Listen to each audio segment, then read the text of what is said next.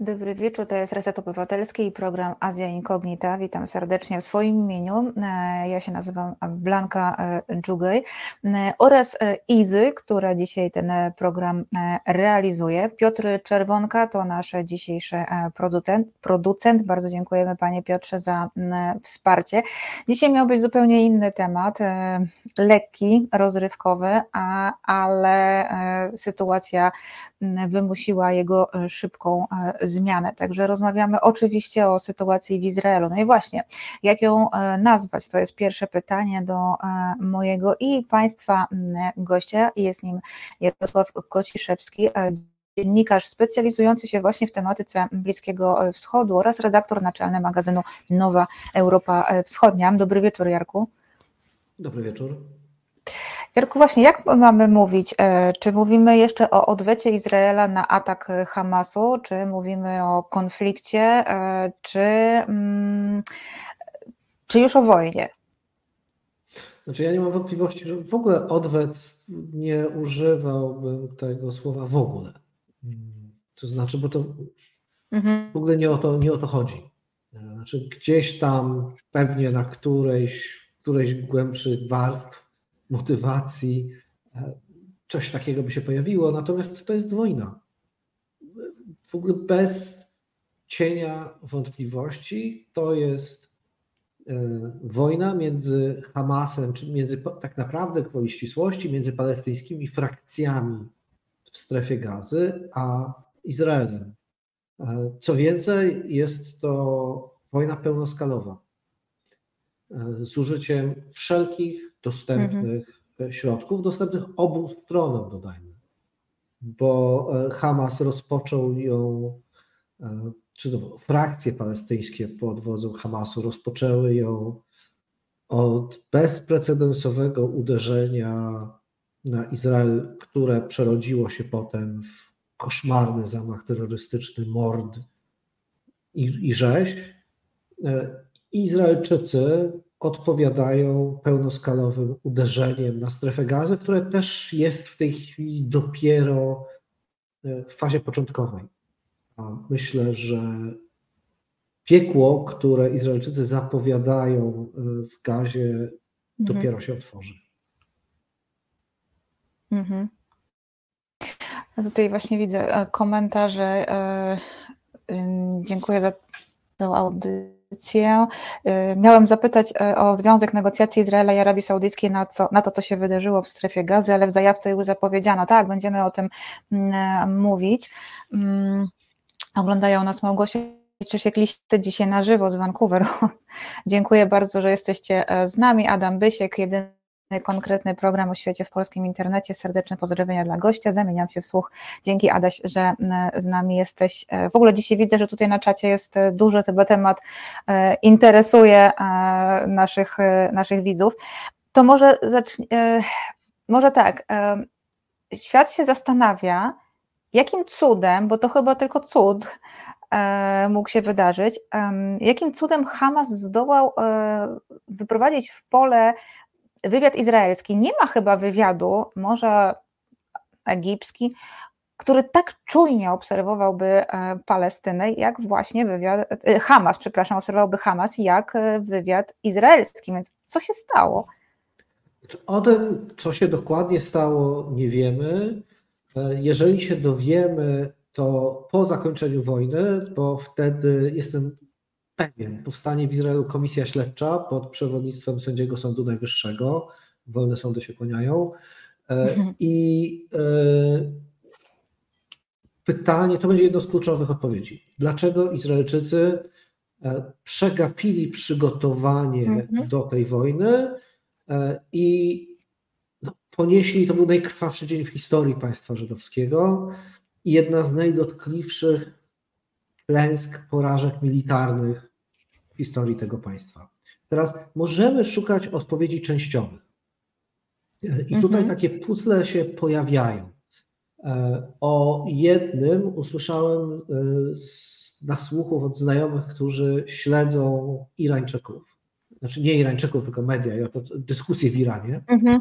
I tam pojawiła się bardzo ciekawa informacja, że Hamas przeszedł do analogu czyli przeszedł na, porzucił komunikację elektroniczną, która jest y, możliwa i łatwa do podsłuchania, nawet jeżeli nie łatwa, to możliwa do podsłuchania, i -hmm. przeszedł na komunikację analogową. W strefie gazy to jest możliwe, bo to jest pas ziemi 30 na 10 kilometrów, niespełna y, i, i naprawdę gońcami można się porozumiewać i przesyłać -hmm. informacje na papierze. Y, więc Hamas zszedł E, poniżej poziomu radaru izraelskich służb. I od razu wyjaśnię, nie, nie jest to Mossad, Mossad tam nie działa. Mówimy o Ammanie, czyli wywiadzie wojskowym zajmującym się e, interpretacją zdjęć, sygnałów itd., tak itd. Tak i Shin Bet, służbie bezpieczeństwa, która z kolei e, ma szpiegów, operatorów, konfidentów i zajmuje się tego rodzaju wywiadem. E, także tu ewidentnie e, to jest jeden z elementów. Kolejnym elementem jest mm, też, myślę, bardzo ewidentna jakość służby kontrwywiadowczej Hamasu.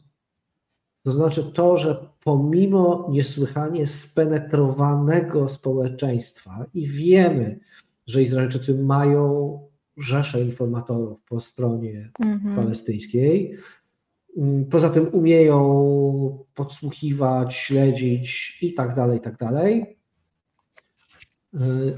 Służbom bezpieczeństwa Hamasu, kontrwywiadowi Hamasu udało się to wszystko uszczelnić. Także w walce wywiadów Hamas tutaj jest górą. I trzeci element, na który zwracam uwagę, i to już jest taki czysto operacyjny, E, mam wrażenie, że Palestyńczycy uśpili czujność izraelskiej straży na granicy.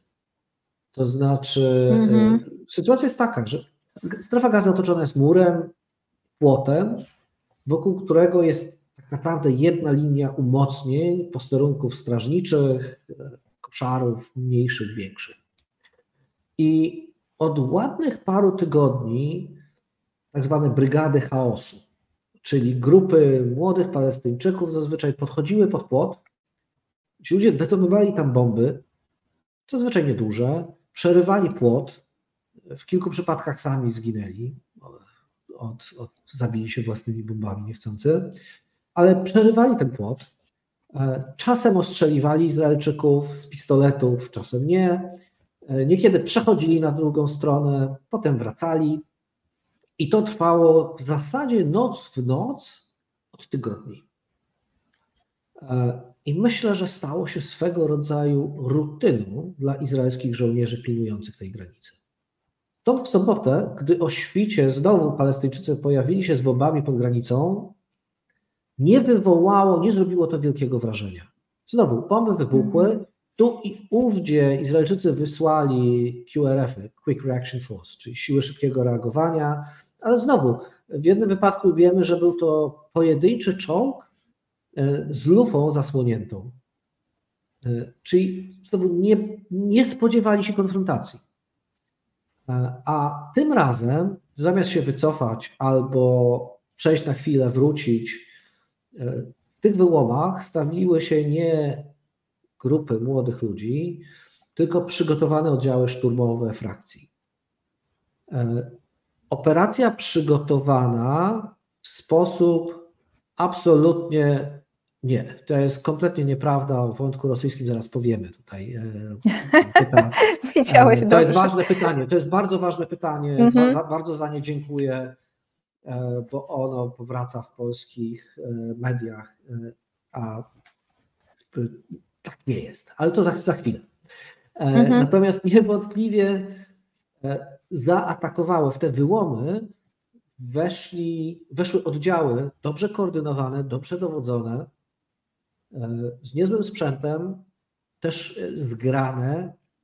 To była operacja militarna, tak naprawdę operacja sił specjalnych, na takim poziomie przeprowadzona. E, mhm. Wcześniej jeszcze Palestyńczycy zniszczyli znaczną część zdalnych wieżyczek strażniczych, bo na granicy i strzeleckiej, na granicy są wieże, zrobotyzowane,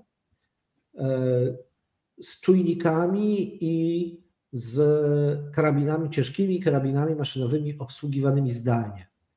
Te wieżyczki zostały mhm. wyeliminowane, częściowo z użyciem dronów, rakiet, na różne sposoby.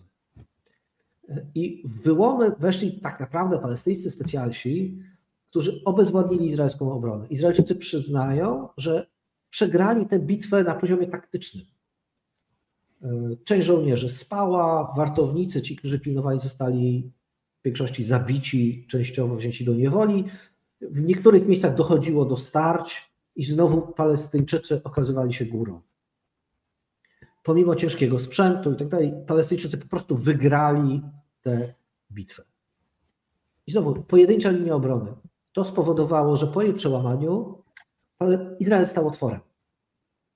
I e, te oddziały, które przeszły w sposób kontrolowany, weszły dalej, rozeszły się po miejscowościach okolicznych. E, wiemy, że zorganizowane kolumny pick-upów z ludźmi, z bronią wjeżdżały do izraelskich miejscowości. Za nimi normalnie działająca logistyka wojskowa, czyli kolejne samochody dowożące e, broń, dowożące posiłki, dowożące amunicję. To wszystko było zorganizowane na poziomie wojskowej mm -hmm. operacji specjalnej. Natomiast ta wojskowa operacja specjalna bardzo szybko przerodziła się w rzeź i w nic więcej niż gigantyczny, bestialski atak terrorystyczny. I ja nie potrafię powiedzieć, czy Hamas po prostu utracił kontrolę nad ludźmi, którzy tam weszli, bo pamiętajmy, że to nie tylko Hamas, to dżihad islamski, to Ludowy Front Wyzwolenia Palestyny, lewicowy, no Demokratyczny Front Wyzwolenia mhm. Palestyny, to milicje klanowe działające z gazy, w gazie. Jakby cała konstelacja wielu, wielu milicji, grup zbrojnych, aż po mam wrażenie po prostu zwykłych ludzi, którzy pojechali na Szamę. I, mm-hmm. I to się kompletnie, to się szybko przerodziło po prostu w masakrę, której skalę poznajemy teraz, znaczy z dekapitacjami, gwałtami, mordami na dzieciach, e, atakiem na festiwal i rozstrzeliwaniem ludzi dziesiątkami. Znaczy ja wolę nie wchodzić w okrucieństwa, które tam się działy, bo to naprawdę mm-hmm. nie o to chodzi, żeby tutaj okrucieństwem epatować. Natomiast myślę, że to jest moment, w którym Hamas przegrał.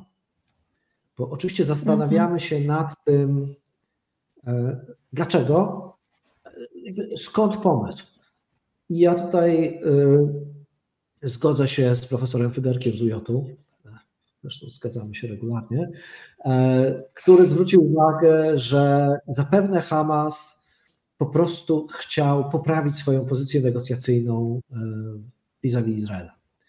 Co prawda Izrael z terrorystami nie rozmawia i z Hamasem bezpośrednio nie rozmawia, ale tam zawsze jest dialog za pośrednictwem wywiadu egipskiego.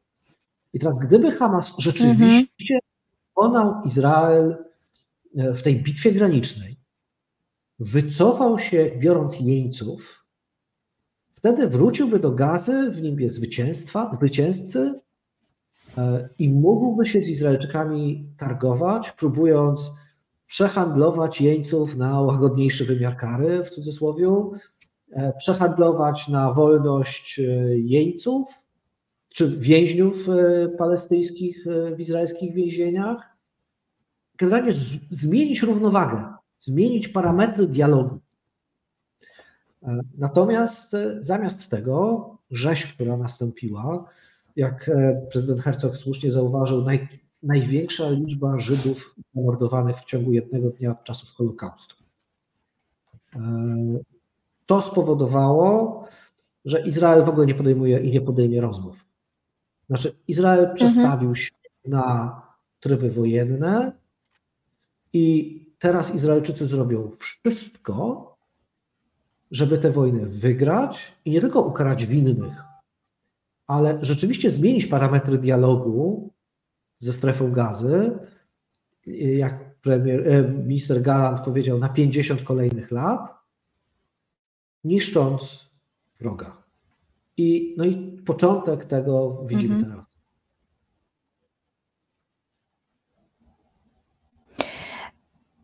Teraz no bo Benjamin Netanyahu zapowiedział odwyt, jakiego, e, no on użył takiego słowa, odwyt, jakiego e, jeszcze e, Hamas nie widział. Ty też właśnie mówisz, że no w planach jest tak naprawdę, brzydko mówiąc, zaoranie Hamasu, czemu ja mogę tylko przyklasnąć, aczkolwiek no chyba nie w takiej formie, jak to wygląda w tej chwili w gazie, bo jest też strasznie, ale do tego przejdziemy. Pytanie, czy Benjamin Netanyahu e, nie został po prostu spuszczony e, ze smyczy? To znaczy Hamas spuścił Benjamina Netanyahu e, ze smyczy i on może teraz zrobić wszystko, a, a świat znaczy, tylko ja powie... No... no... Ja nie bardzo, nie bardzo rozumiem pytanie, to znaczy, bo co to znaczy spuścił ze smyczy? Znaczy, Chodzi mi o to, że zaatakował Izrael... Benjamin Netanyahu... Mhm. mhm. Znaczy, Hamas zaatakował okay. Izrael w sposób bestiarski, okrutny, rozpoczynając pełnoskalową wojnę. Izraelczycy, którzy Oczywiście. żyli w przeświadczeniu i zawsze powtarzali, zwłaszcza prawicowi Izraelczycy, że musi być mhm. silni, zwarci, gotowi, bo nasi wrogowie chcą nas zamordować. Myślę, że słyszeli od mhm. Europejczyków, słyszeli od ludzi o bardziej liberalnym nastawieniu takie stwierdzenie, nie, no to jest daleka historia, mm, to już się nie wydarzy, mówicie o Holokauście, a teraz świat się zmienił. Natomiast w sobotę, i to była prawda do soboty, e, w sobotę Izraelczycy otrzymali bolesny dowód na to, że wrogowie chcą ich po prostu zamordować. I dowodem na to są zamordowane całe rodziny. Mhm. E, dowodem na to jest terrorysta, który e, wziął telefon zamordowanej staruszki nagrał scenę i umieścił na jej Facebooku, żeby cała rodzina to zobaczyła. E, I tak dalej, i tak dalej. To znaczy rzeczy niewyobrażalne, znaczy okrucieństwo, absolutne bestialstwo.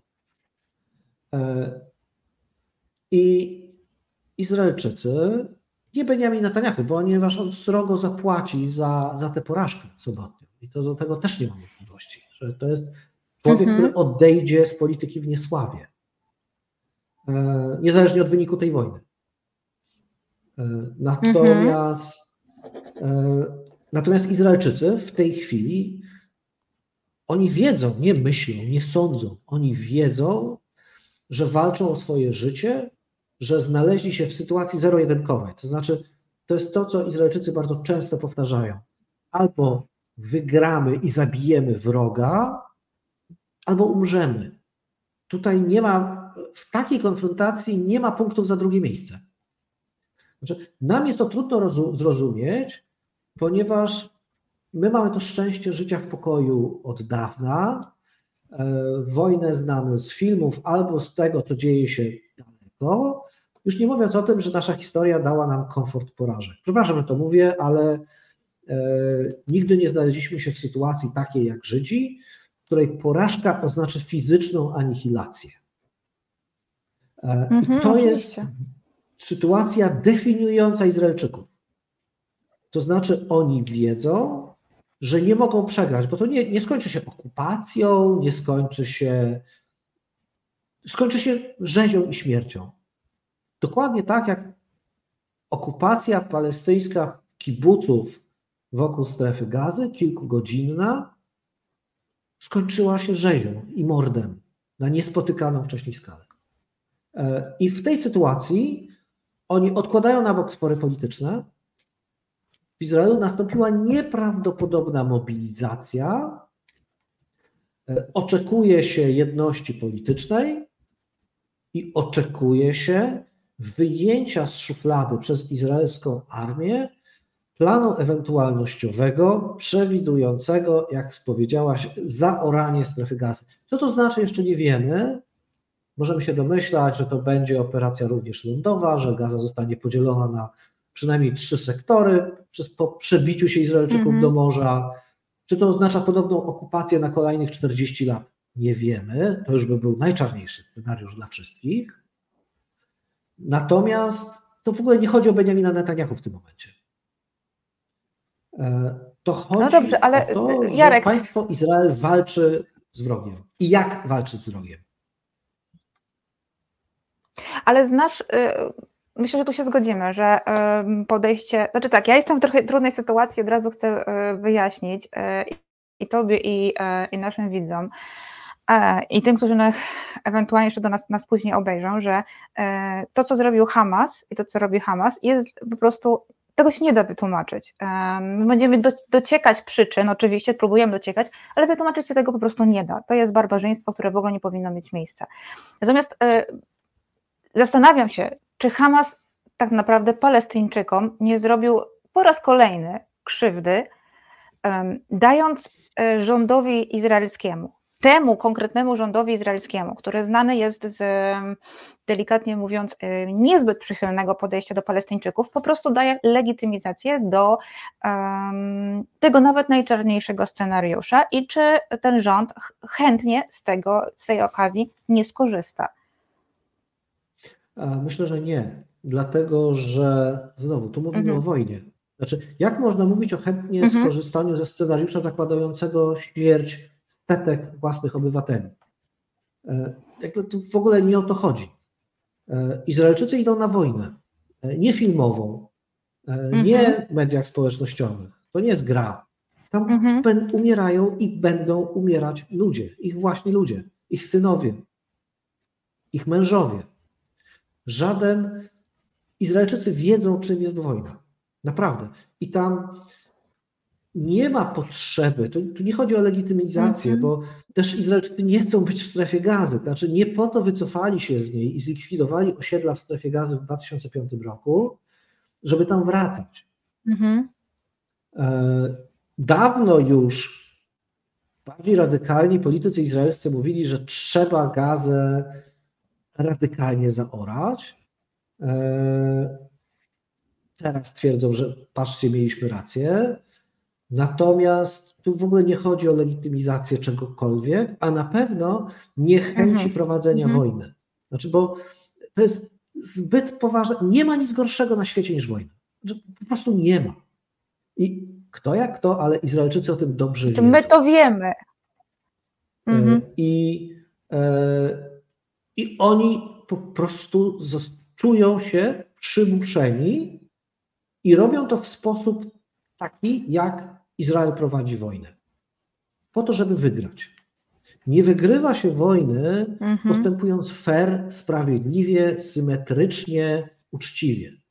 Wojnę wygrywa się zabijając wroga w każdy możliwy sposób. I dlatego odpowiedź Izraelczyków jest tak brutalna, będzie jeszcze bardziej brutalna, ponieważ dla nich mhm. równanie jest dosyć proste. Liczy się to, kto z nas dożyje do końca dnia. I teraz my zrobimy mhm. wszystko, żeby i to byli nasi żołnierze. Jeżeli popełnią błędy, to następnego dnia będziemy się rozliczać i tłumaczyć, ale to oni pozostaną przy życiu. Jeżeli popełnimy błąd, nie będziemy wystarczająco skuteczni, to co z tego, że uniknęliśmy jakichś błędów, pomyłek, jeżeli nie dożyjemy do następnego dnia? Znaczy, to jest aż tak, nie wiem czy prosta, ale brutalnie szczera logika. E, I mhm. dokładnie w takiej sytuacji Hamas postawił e, Izraelczyków. E, teraz, oczywiście, na tym w regionie czy w Izraelu potem ktoś będzie próbował korzystać. No, tak to jest. Tak? Znaczy, w momencie, kiedy rozsypuje się tę mozaikę, to potem się ją składa od nowa i każdy taki kryzys powoduje również, stwarza szansę. Ale to wszystko nastąpi po wojnie. Natomiast w tej chwili Izraelczycy szykują się do wojny, co więcej, co najmniej na jednym froncie, ponieważ oni się obawiają, że to może być więcej. Nie chcą walczyć z, z Libanem w tej chwili, ale są również na to gotowi. Także, no i chyba jest to e... dosyć. Chyba jest to prawdopodobne, albo przynajmniej możliwe, biorąc pod uwagę, że dzisiaj poszła informacja, że Hezbollah e, robi e, mobilizację. I znaczy, Hezbollah też maczał palce w tym. Znaczy, ja nie mam wątpliwości, że tak, że Irańczycy i Hezbollah mhm. pomagali Hamasowi zorganizować tamten atak, mhm. dlatego że Hezbollah, Hamas zrealizował tak naprawdę doktrynę wojenną Hezbollahu. E, ten plan mhm. ataku przez granicę pod osłoną zmasowanego ostrzału rakietowego i przeniesienie wojny na teren Izraela po przełamaniu obrony granicznej mhm. jest doktryną wojenną Hezbollahu, e, opracowaną w następstwie wojny 2000, II wojny libańskiej 2006 roku mhm. wspólnie z Iranem. Izraelczycy tę doktrynę znają, przygotowywali się do niej, ale na północy.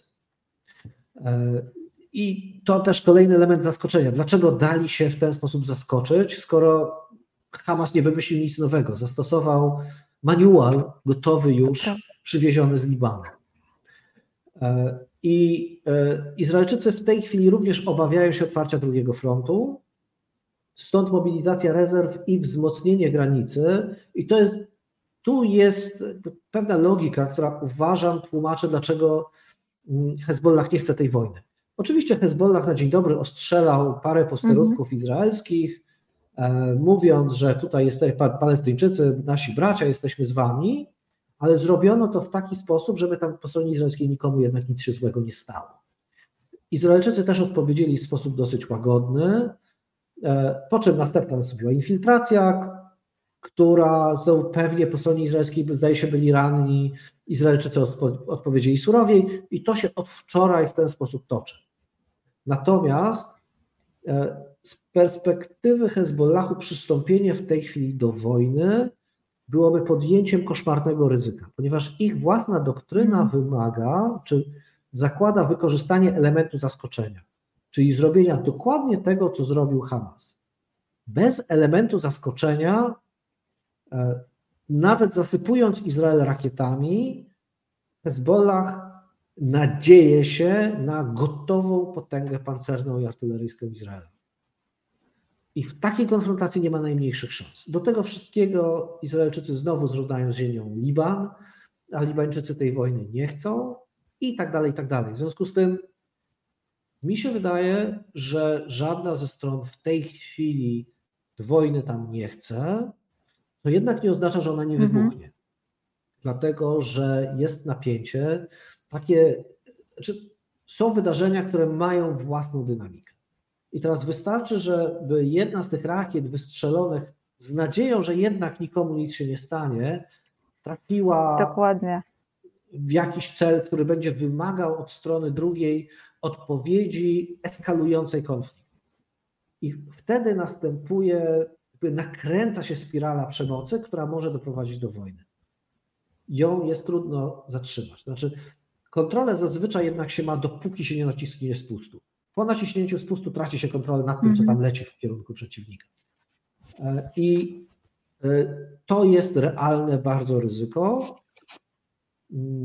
Natomiast zresztą stąd tak ostre wypowiedzi Izraelczyków, stąd obecność Stanów Zjednoczonych, bo przecież Izraelczycy nie potrzebują lotniskowca amerykańskiego, żeby walczyć w gazie.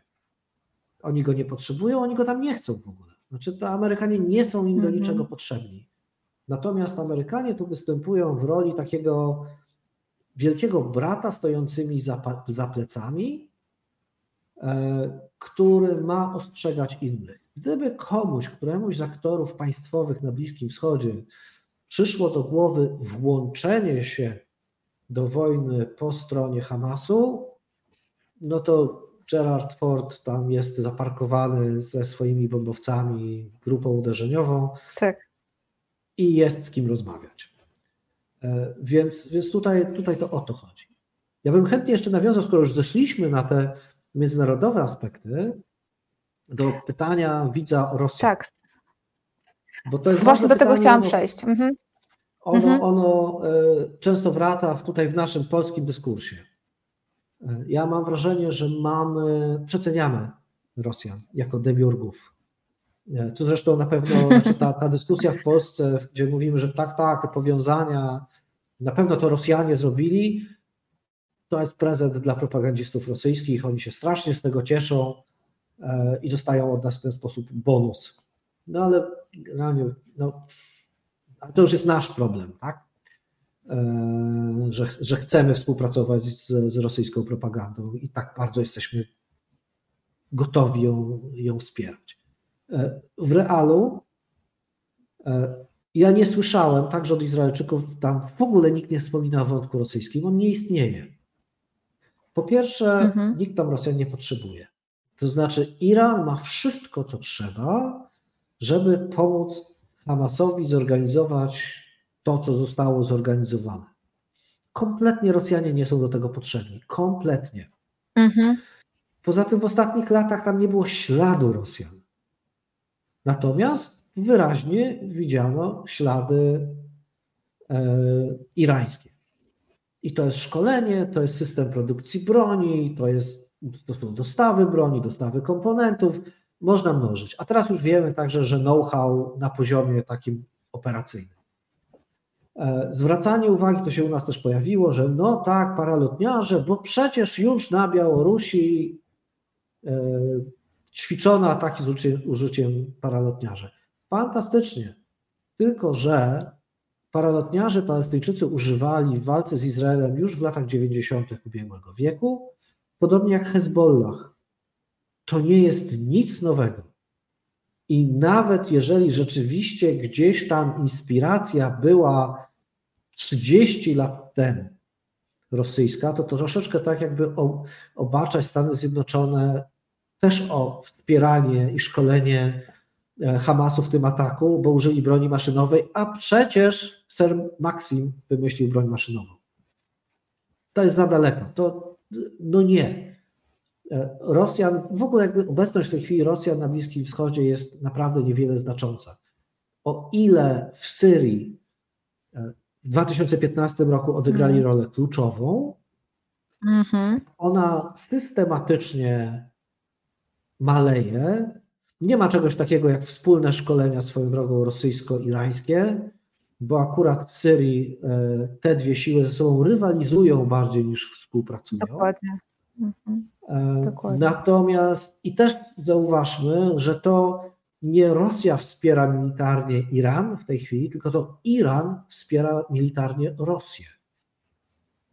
I oczywiście tak, jest know-how, który można z wojny w Ukrainie przenieść na tę stronę, do tego konfliktu, ale to Irańczycy są świetnie kwalifikowani, żeby zrobić to samodzielnie. Myślę, że lepiej niż Rosjanie. Mhm. Mają większą motywację, większe środki e, i są w tym po prostu lepsi. To znaczy, kiedy słyszeliśmy o wielkim zwycięstwie chociażby właśnie służb wywiadowczych i służb e, specjalnych rosyjskich nad wrogami? No nie bardzo. Kiełru raczej słyszymy rozmaitych wpadkach. A ktoś musiał ten kontrwywiad e, Hamasu przygotować do poziomu, w którym pokonał służby wywiadowcze izraelskie. Nie byli to Rosjanie. To na pewno nie. E, jeżeli instruktorzy mówili w języku obcym, to było to Farsi. Mm -hmm. Więc także tutaj bym Rosjan naprawdę w to nie mieszał, ich tam naprawdę nie ma, co nie znaczy, że nie będą korzystać ze skutków. Bo to też jest. Już taki... korzystają. Bo... Oczywiście, ale wiesz co, bo to jest taki bardzo mhm. częsty e, wśród e, komentarzach e, o takich sytuacji, bardzo często i niekoniecznie tej, pojawia się taki motyw, że mhm. skoro ktoś korzysta na jakimś wydarzeniu, to na pewno jest prowokowany. Tak, Natomiast, tak. no bo to jest mądrość z Agaty Christie, tak, czy zaczerpnięta. Tak? Przeniesienie, przeniesienie mądrości Agaty Christie mm -hmm. do, na, na, poziom polityki międzynarodowej i, i, i wojny. E, natomiast w realu niekoniecznie tak to wygląda. To znaczy, rzeczy się dzieją, e, czasem przypadkiem kierunki się, albo coś się nie udaje, tak jak chociażby w sobotę. Znaczy, ewidentnie Izrael poniósł porażkę, ale też mhm. Hamas poniósł porażkę bo zamiast Ach, na swoją jako? korzyść zmienić warunki gry, e, nastawił się na, jakby przestawił się na sytuację, w której zagraża mu, jakby -hmm. ma egzystencjalne zagrożenie, tak? stoi po obliczu egzystencjalnego zagrożenia. E, I teraz to powoduje ogromny wstrząs i zamieszanie w całym regionie. Bez wątpienia. E, I fakt, że potem trzeba będzie tę układankę znowu poukładać i różne państwa spróbują z tego korzystać, to nie oznacza, że państwo, które skorzysta na tym najbardziej, jest odpowiedzialne za to, co wydarzyło się na początku. To znaczy, jeżeli okaże się za rok na przykład, czy za pół roku, że Arabia Saudyjska ma ogromne kontrakty i jest odpowiedzialna za zbudowanie strefy gazy od nowa. Tak? Znaczy nie wiemy, czy tak będzie, ale no, puśćmy wodze fantazji. To wcale nie znaczy, że mhm. Arabia Saudyjska wywołała tę wojnę po to, żeby odbudowywać strefę gazy później. Dokładnie tak samo jest z Rosjanami. To znaczy, rosyjska dyplomacja od czasów carskich stwarza sobie możliwości. Zawiesza gdzieś tam sznurki, które sobie na wietrze dyndają i od czasu mhm. do czasu w razie potrzeby potrafi pociągnąć za właściwy, skorzystać na czymś, co albo było wcześniej jakoś przygotowane, albo po prostu się nadarzyła okazja. Ale to nie znaczy, że tutaj służby, że Rosjanie są demiurgami, zdolnymi kierować wszystkimi wszędzie. Dobrze, to w takim razie, skoro pojawiła się już e, ta nazwa Arabia Saudyjska, to może pociągnijmy e, ten e, wątek. Mm, czy Twoim zdaniem to przygotowywane porozumienie między Izraelem i Arabią Saudyjską, któremu tak gorliwie kibicuje Waszyngton, mogło wpłynąć na to, co się wydarzyło? Jednym słowem? Nie. E, Nie. Ale roz... Mhm. pozwolę sobie rozwinąć. Ale rozwiń. E, to znaczy, ja myślę, że to była akcja przygotowana jednak przez Palestyńczyków, zaplanowana, e, bardzo lokalna. To znaczy, Palestyńczycy nie są siłą i Hamas nie jest siłą, który rozdaje karty na poziomie regionalnym. I oni, myślę, planowali tę operację wojskową z wzięciem jeńców jako siłą przetargową po to, żeby na własne potrzeby poprawić swoją sytuację w relacjach z Izraelem. Tylko tyle.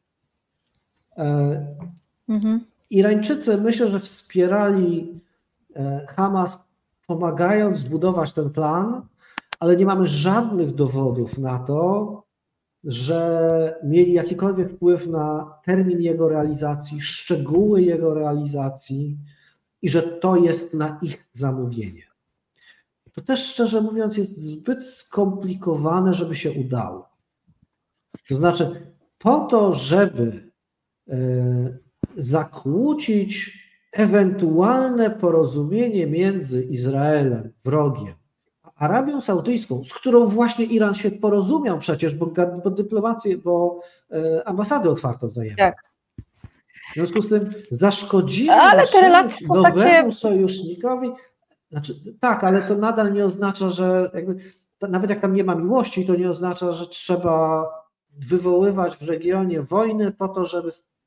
No, znaczy, zbyt skomplikowane, zbyt pokrętne, żeby się udało. Natomiast oczywiście no w tej tak. chwili będzie mhm. miało to wpływ na te relacje między Izraelem a Saudyjczykami. Zresztą no, też to porozumienie oczywiście. nie było na stole jeszcze. O tym się mówi. Natomiast mhm. E, ja słyszałem w Riyadzie, że to jest porozumienie, które jest oczywiste, natomiast ono nie nastąpi za życia króla Salmana, ojca MBS-a, Muhammada bin Salmana, następcy tronu, e, ze względu na chociażby szacunek dla starego króla. Mhm. E, I, i, I całe jego otoczenie, i, że nie teraz. Więc e, oczywiście w tej chwili Saudyjczycy nie mogą porozumieć się z Izraelem. Saudyjczycy muszą symetryzować. E, dokładnie tak samo jak mm -hmm. pozostałe kraje Zatoki Perskiej. E, może podejmą działania dyplomatyczne, wycofają ambasadora, coś powiedzą, ale to nie oznacza końca normalizacji izraelsko-arabskiej, to oznacza najwyżej zawieszenie jej na jakiś czas. Na razie wszyscy czekają na to, co będzie dalej. jednak dosyć zaszokowani tym, co zobaczyli w wykonaniu Palestyńczyków. I oczywiście muszą znowu symetryzować ze względu na własną opinię publiczną, ale interesy tych państw są zbieżne z interesami Izraela. Rywalem dla tych państw nie jest Izrael, tylko jest Iran. Więc naprawdę nie ma powodu, żeby nagle e, w myśl solidarności z Palestyńczykami, która jest nieistniejąca na Bliskim Wschodzie, poza warstwą werbalną, e, porzucać realne interesy na rzecz czegoś zaledwie właśnie werbalnego, wypowiedzianego. Także e, nie, na dłuższą metę nie sądzę, żeby to Y, zaszkodziło, spowolni normalizację, spowoduje, że ona zejdzie gdzieś tam poniżej e, znowu poziomu mm. głośnego i, i otwartego, ale, ale jej nie zatrzyma. To więc trochę się nie, tutaj się nie, możemy nie zgadzać, e, jeśli chodzi o rolę e, tego porozumienia i Arabii Saudyjskiej ale pięknie się różnimy.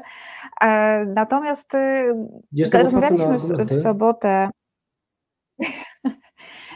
Y, Nie, ale po, poważnie, ja... znaczy to odwróćmy się, odwróćmy się ja... rolami, bo to jest bardzo, bardzo ciekawe. No bo zobacz... E, dlaczego uważasz, że nie? Znaczy, ja um, uważam, że mogło to mieć trochę wpływ na decyzję um, Hamasu, bo zobacz, odpada kolejne um, i to bardzo ważne państwo, Mm, e,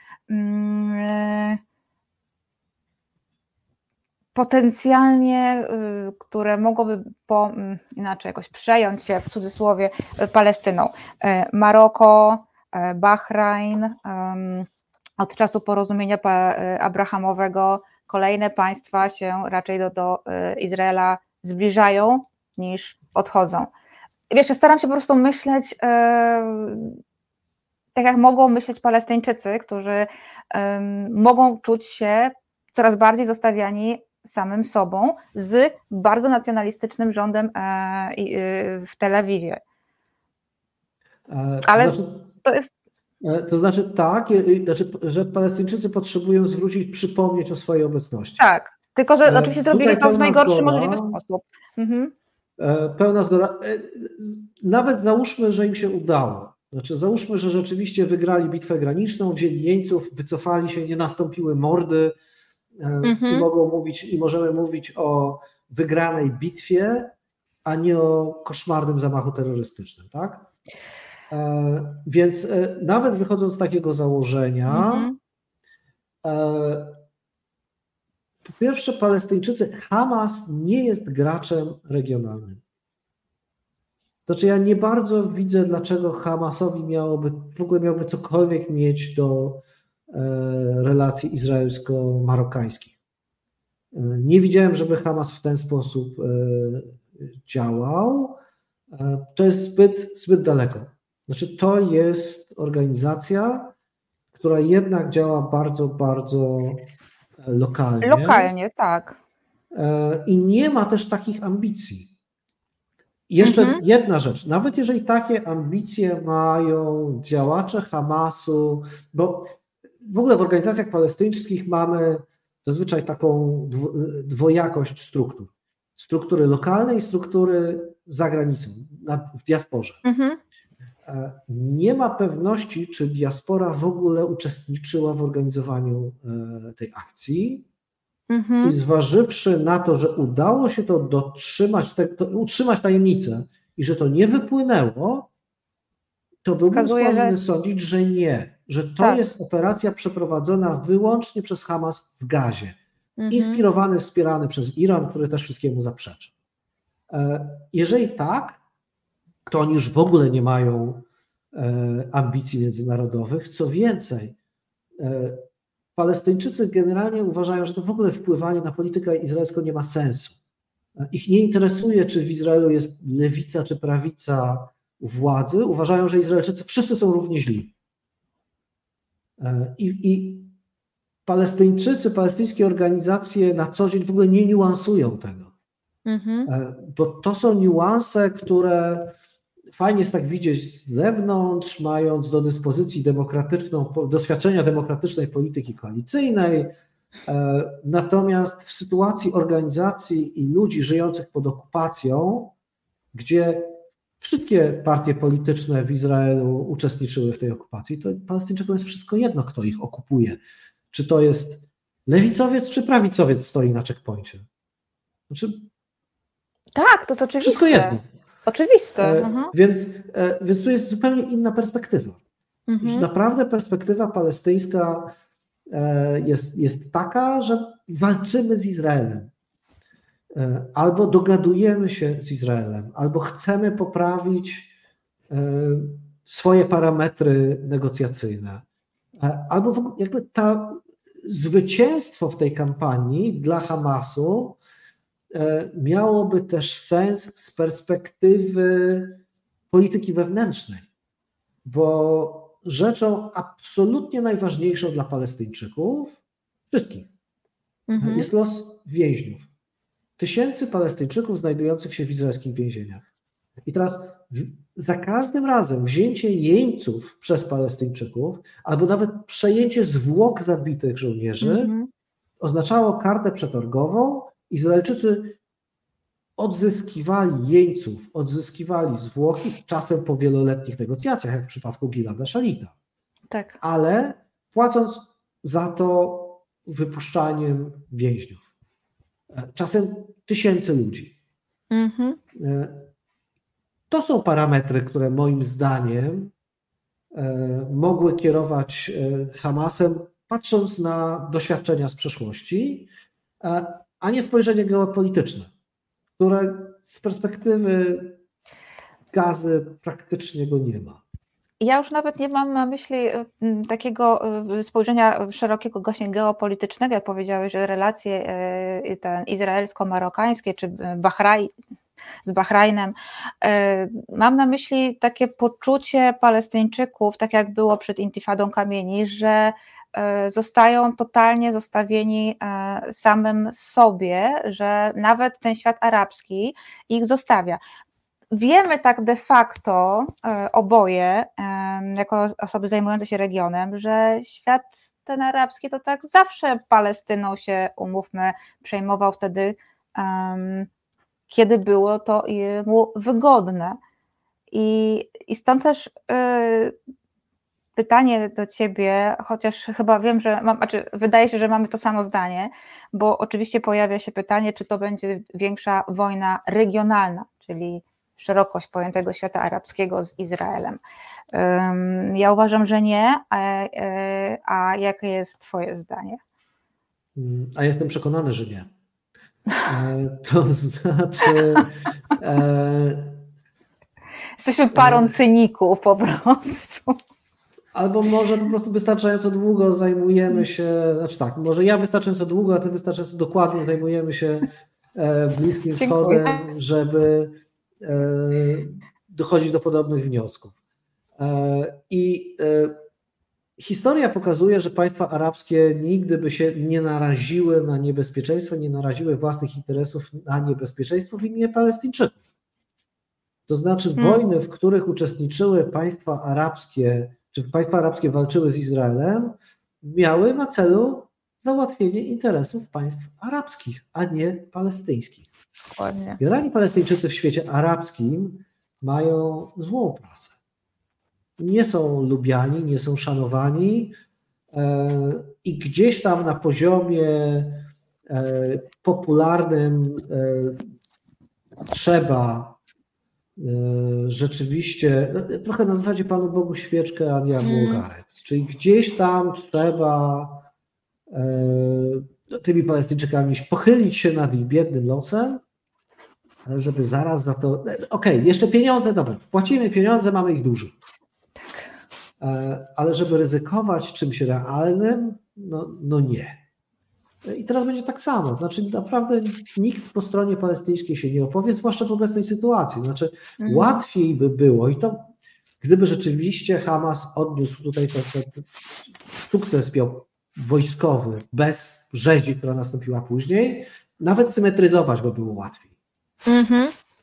E, no, teraz jest to potwornie karkołomne, a Izraelczycy też robią co mogą, żeby pokazywać, jak to wyglądało. E, I no, naprawdę są ludzie, tak, którzy twierdzą, że e, Izraelczycy sami sobie byli winni, ale szczerze mówiąc, znaczy ja nie widzę w ogóle wytłumaczenia dla mordowania dzieci w, e, z rodzicami i, i, i, temu, co się wydarzyło. Znaczy, czy, czy, czy rozstrzeliwaniem uczestników festiwalu muzycznego. No, no nie. Nie no, Jarek, to trudno komukolwiek chyba e, no Nie no, ale są, tak? znaczy, no, wiemy, wiemy, mówimy o ekstremistach w świecie arabskim, e, gdzie jakieś takie próby tłumaczenia się pojawiają. E, ale one są na tyle karkołomne, że znowu nie będą odzwierciedlone w tej mainstreamowej, ważnej narracji. Ale e, ja być może wiem mm, troszkę o co chodzi. Znaczy, ludzi cieszących się z tego, co się, z tej, tej rzezi, e, no, to jest skreślony temat, tak? To już ustaliliśmy, że tego się nie da w ogóle w jakikolwiek sposób wytłumaczyć. Natomiast wracam do, myślą do tekstu Stanisława Obirka z Okopres, który e, jakoś tak mi zapadł w pamięć. On tam napisał, kto sieje wiatr, ten musi się liczyć z tym, że przyjdzie burza i ona właśnie e, nadeszła.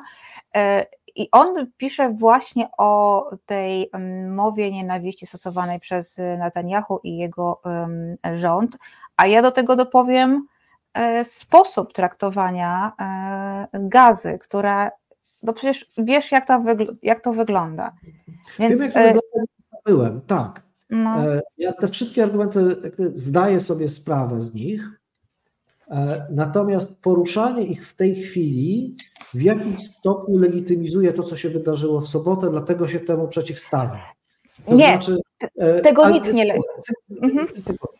Dobra. E, tu nie chodzi o to, żeby legitymizować, tylko uważam, że to nie jest czas na tę dyskusję.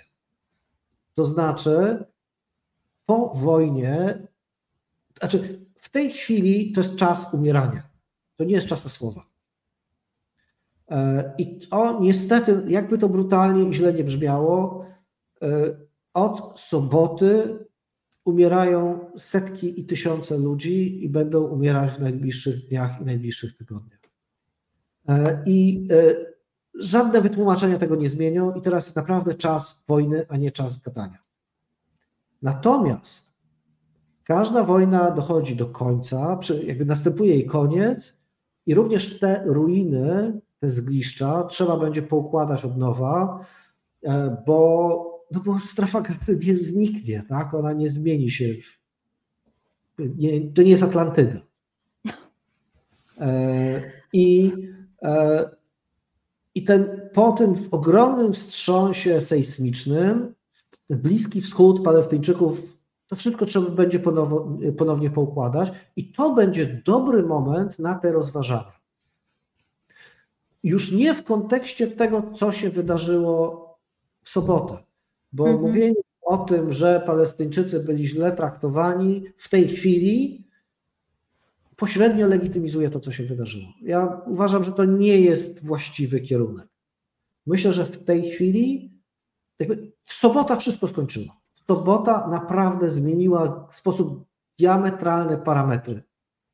Do soboty nie wydarzyło się nic takiego w historii Izraela, w historii, no, w historii Izraela, czy w historii e, konfliktu izraelsko-palestyńskiego. Ta zmiana, to wstrząśnięcie stolikiem, czy, czy zburzeniem klocków powoduje, że po wojnie to będzie trzeba układać. I miejmy nadzieję, że po tej wojnie rzeczywiście do głosu dojdą ludzie rozsądni, ludzie o szerokich horyzontach, ludzie, którzy rozumieją również, że Palestyńczycy muszą mieć zagwarantowane prawa, że kolejne dekady okupacji i cierpień do niczego nie prowadzą. Ale myślę, że to nie jest dobry moment na tę dyskusję. Jeszcze, jeszcze nie teraz. Na razie jesteśmy na etapie wynoszenia zwłok izraelskich dzieci z łóżeczek, w których zostały zamordowane, i to się dzieje teraz nadal, cały czas. E, jesteśmy na etapie, w którym Palestyńczycy giną e, pod również bombami, też dzieci, też niewinni mm. cywile cierpią e, w strefie gazy. Dzieje się naprawdę koszmarna tragedia, która niestety musi wybrzmieć do końca. I Izraelczycy są przekonani, że muszą to doprowadzić do końca, żeby sobota się nie powtórzyła. Znaczy, właśnie w imię tego oświechtanego, czy wyświechtanego i, i, i e, niestety raz po raz powracającego nigdy więcej. Nie? Po Holokauście nigdy więcej, po Rwandzie nigdy więcej, e, po ISIS nigdy więcej, po Buczy nigdy więcej. Izraelczycy tak, tak. naprawdę uważają, że nigdy więcej i oni zrobią wszystko, żeby nigdy więcej, tak jak umieją i tak jak uważają to za słuszne, czyli z użyciem nieprawdopodobnej siły i przemocy. I czas no i... na rozmowy nastąpi. Jestem co do tego okay. przekonany. Okej, okay, szanuję twoje, e, e, twoje zdanie. E, natomiast chciałabym zapytać, co to znaczy, bo powiedziałeś, że doprowadzi sprawę do końca. Co to znaczy? Tego jeszcze nie wiemy, tak? To znaczy, mm -hmm. Izraelczycy chcą zniszczyć milicje palestyńskie w strefie gazy. Sam Hamas to jest mniej więcej 20 tysięcy ludzi pod bronią. No ale jest jeszcze sporo tych, który, na których Hamas przyzwalał przez lata na działalność. No, wielokrotnie więcej. No. Wielokrotnie no tak. więcej, bo to są te wszystkie frakcje, o których wspominaliśmy. Mm -hmm. Izraelczycy chcą rzeczywiście zaorać całą infrastrukturę Hamasu i to robią. To znaczy zrównanie z ziemią dzielnicy Rimal w strefie mm -hmm. w Gazy, to jest ekskluzywna, była, była ekskluzywna dzielnica z widokiem na morze, e, stanowiła również centrum finansowe, dzięki któremu Hamas się finansował. Została zbombardowana -hmm. doszczętnie. E, Izraelczycy wejdą, też jestem przekonany, wejdą lądowo w strefę gazy. E, czy zdecydują się na okupację krótką, dłuższą? Nie jestem w stanie powiedzieć. Nie wiemy, jakie są ich plany ewentualnościowe. Oni nie mają zwyczaju publikowania ich z przyczyn politycznych, e, Jasne. swoich tajnych mhm. planów wojskowych. E, zobaczymy, zobaczymy, jak się sytuacja rozwinie. Bardzo możliwe, że oni też będą tutaj, znaczy na pewno będą w jakiś sposób elastycznie reagować. No, bo to też zależy od oporu, który Hamas będzie stawiał, od wielu różnych czynników. Mm -hmm. Tak jak mówię, w tej chwili niestety jest czas wojny, co jest najgorszym, co się mogło wydarzyć. E, I możemy mieć tylko nadzieję, że po jej zakończeniu, kurz bitewny opadnie, do głosu dojdą ludzie rozsądni z wszelkich możliwych stron, i postanowią te klocki poukładać w taki sposób, żeby zrealizować dwa podstawowe cele walczących narodów. To znaczy, Izraelowi potrzebne jest bezpieczeństwo, Palestyńczykom mm -hmm. potrzebna jest wolność. Mm -hmm. W momencie, kiedy wszystko jest burzone i budowane od nowa, równocześnie jest taka szansa. Czy zostanie wykorzystana? Nie wiemy w tej chwili. Miejmy nadzieję, że jednak zostanie mm, e, wykorzystana, e, tym bardziej, że sam e, Hamas kilka lat temu, no już dobrych kilka lat temu złagodził swoje stanowisko, zgadzają się na tymczasowe państwo palestyńskie. Była mowa, była mowa o w ogóle 25-letnim zawieszeniu broni. To tak, są negocjacje, tak. które no jak widać do niczego nie doprowadziły. Mm, dokładnie. Tutaj było pytanie, e, Noe oczywiście, e, ale ono jest akurat ciekawe, e, czy na dzisiaj obywatele strefy gazy tak, żeby wybrali Hamas w wyborach? To jest bardzo dobre pytanie, bo jednak wtedy w, mm, o Boże, który to był rok, 2007? Ale oni go nie wybrali. Chwilę, chwilę. To no, znaczy no, Hamas przejął władzę w strefie gazy na drodze przewrotu wojskowego. W strefie gazy oczywiście, tak. Bardzo. do tego dodajmy wyrzucając z okien urzędników mm -hmm. autonomii palestyńskiej, tak. wieżowców. E, w strefie gazy panuje reżim, islamistyczny reżim. nacjonalistyczny. Zresztą Hamas to nie są tacy, to, to nie są tacy islamiści. No, ale... Dżihad islamski to jest taki ruch pan-islamski rzeczywiście. Natomiast Okej, okay, ale w, w Hamas to są islamiści, to są, znaczy to jest taki nacjonalizm religijny. O, może, tak, może tak, tak, tak, tak, tak, to jest dobre słowo. Mhm. I, I to jest reżim, to jest twardy reżim, tam Muhabarat, mhm. służby bezpieczeństwa działają, tępią opozycję, e, chociaż nie jest to totalitaryzm, który uniemożliwia różnym frakcjom funkcjonowanie.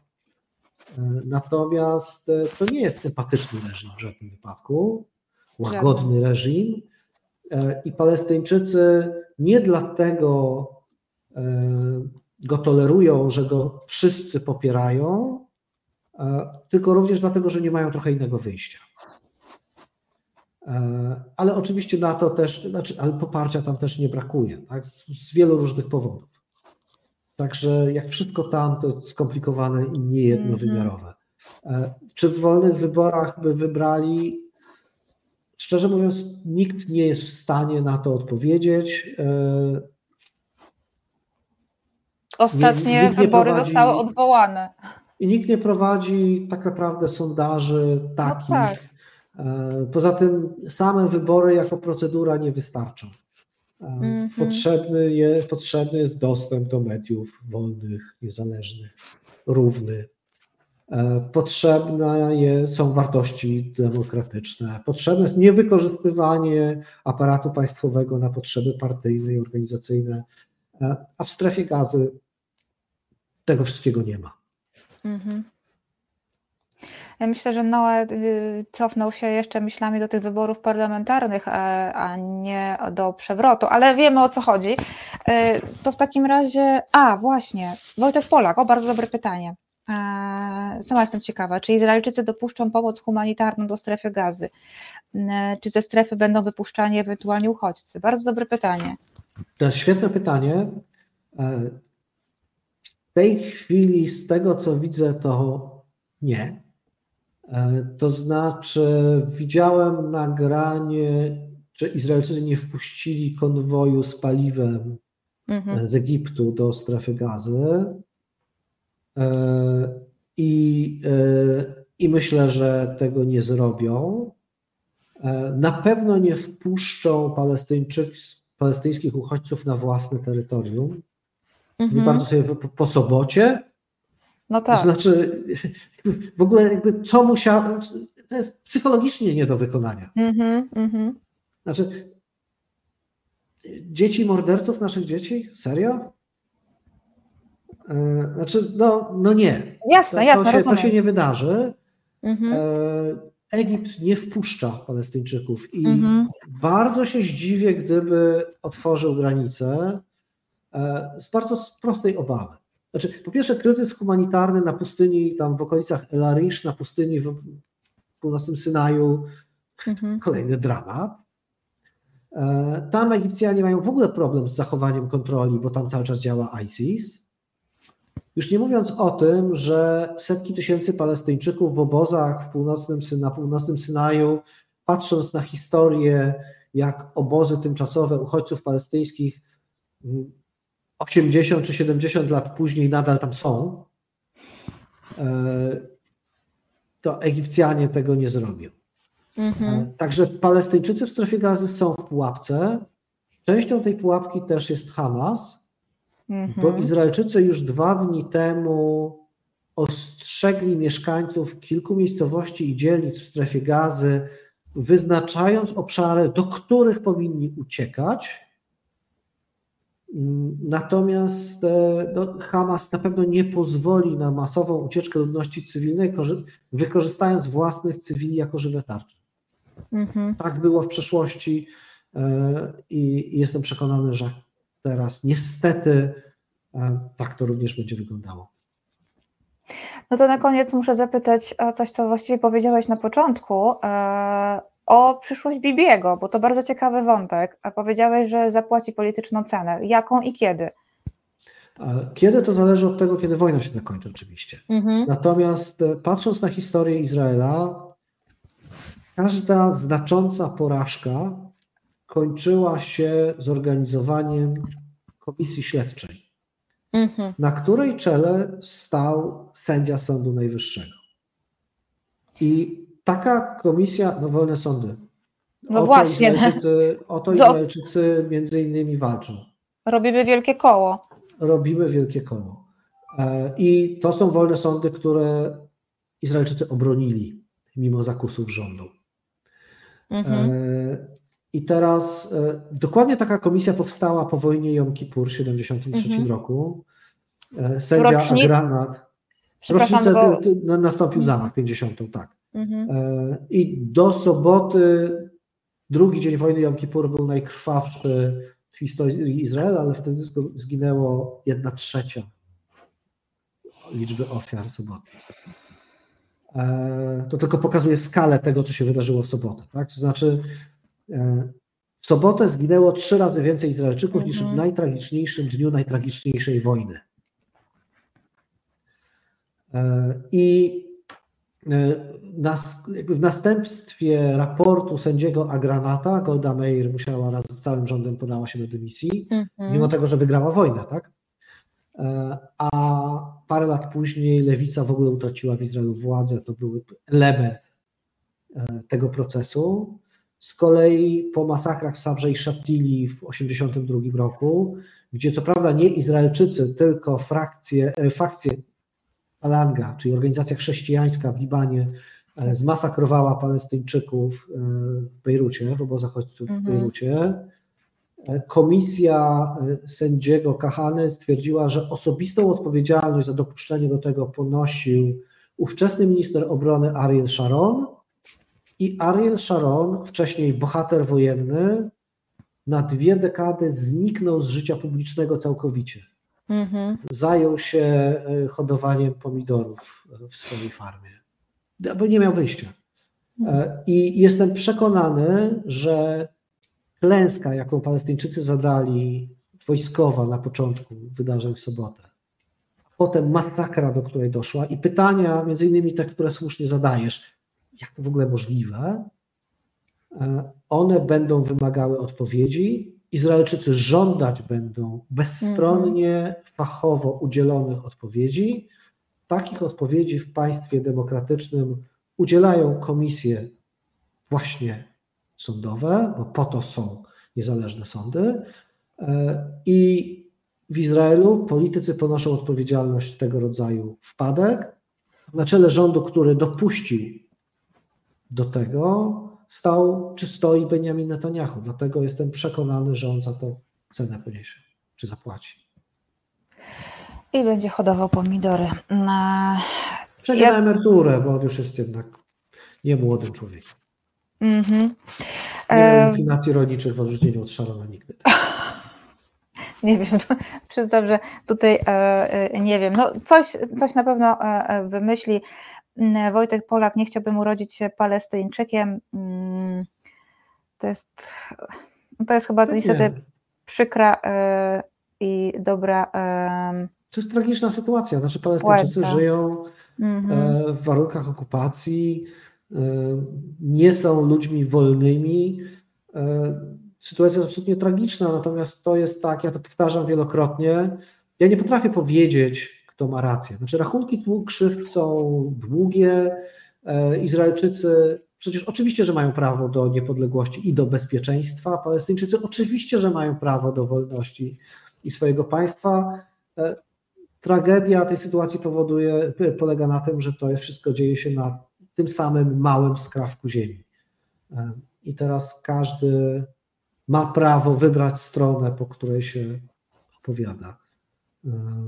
E, no może za wyjątkiem terrorystów z Hamasu w tej chwili, bo to już jest e, za daleko, ale oczywiście ja świetnie rozumiem tych, którzy sympatyzują Izraelowi, świetnie rozumiem tych, którzy pochylają się nad losem Palestyńczyków. No, każdy ma prawo mieć własne poglądy polityczne i znajdzie argumenty na ich, na ich poparcie.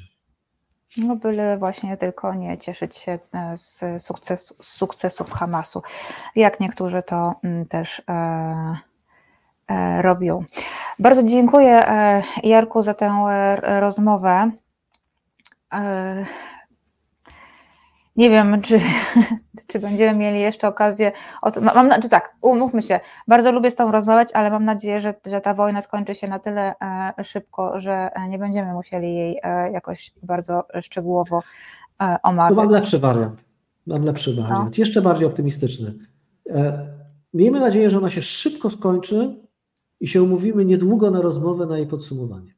Bardzo dobrze, jesteśmy umówieni. Bardzo mi się podoba taka opcja.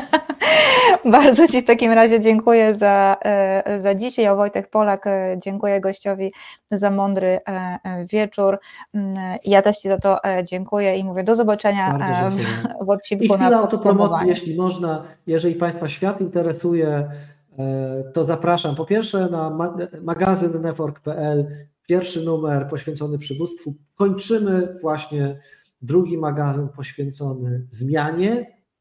O. E, w najbliższym czasie e, będzie dostępny, także szczerze, szczerze zapraszam. Nawet ja nie wiedziałam, to się, to się dowiedziała bardzo.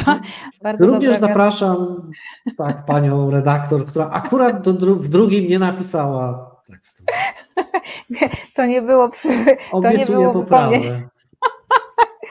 Dobrze, bardzo Ci dziękuję w takim razie i y, oczywiście ja też zachęcam y, do czytania. A jakaś y, książka, nie wiem Noe, co miał, co miał na myśli, jaką książkę. Nie wiem. No dobrze, może, może to wyjaśnię później w komentarzu. Ja przekażę w razie czego Jarkowi pytanie. Dziękuję Ci bardzo, bo strasznie już Dziękuję przedłużyłam również. i do zobaczenia, jesteśmy umówieni. Do zobaczenia i dobrej nocy. Dobranoc.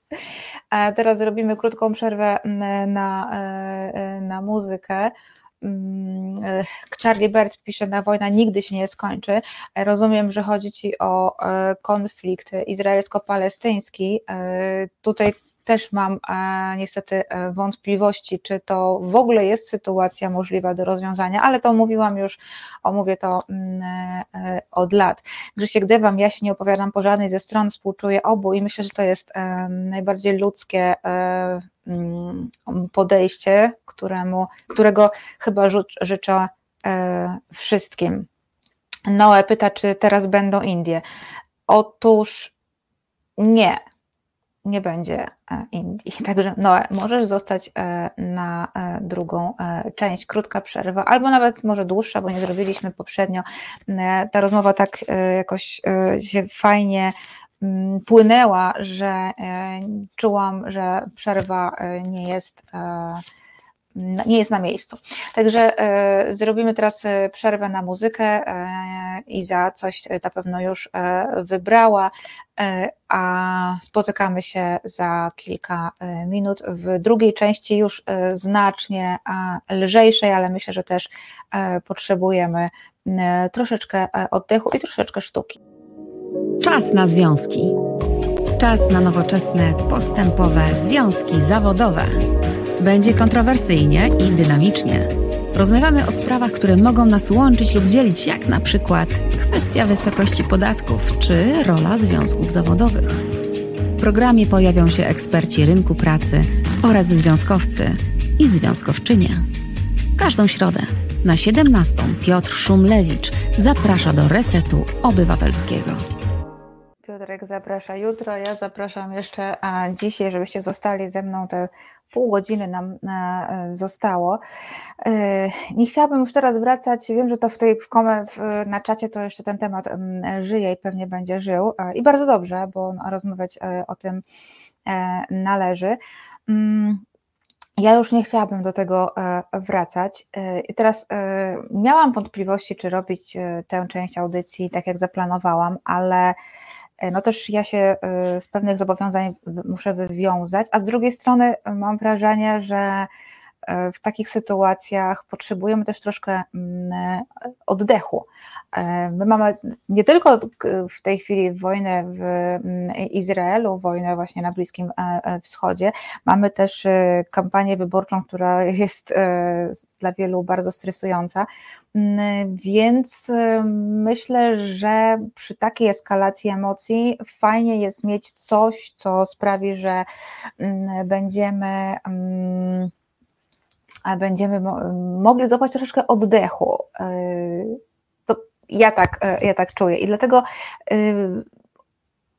Chciałabym Wam teraz opowiedzieć o festiwalu filmowym. Ja wiem, że tam były komentarze czasami, że za dużo kina, ale no trudno.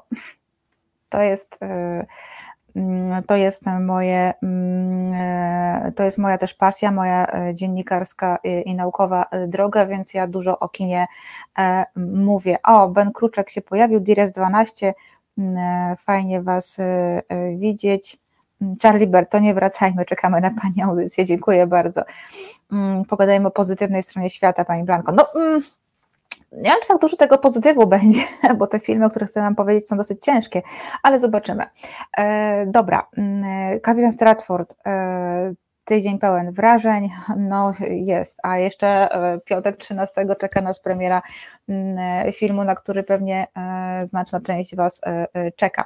Grzesiek Dewam, kino jest ok, opowiadaj Blanka. Dobra, więc tak,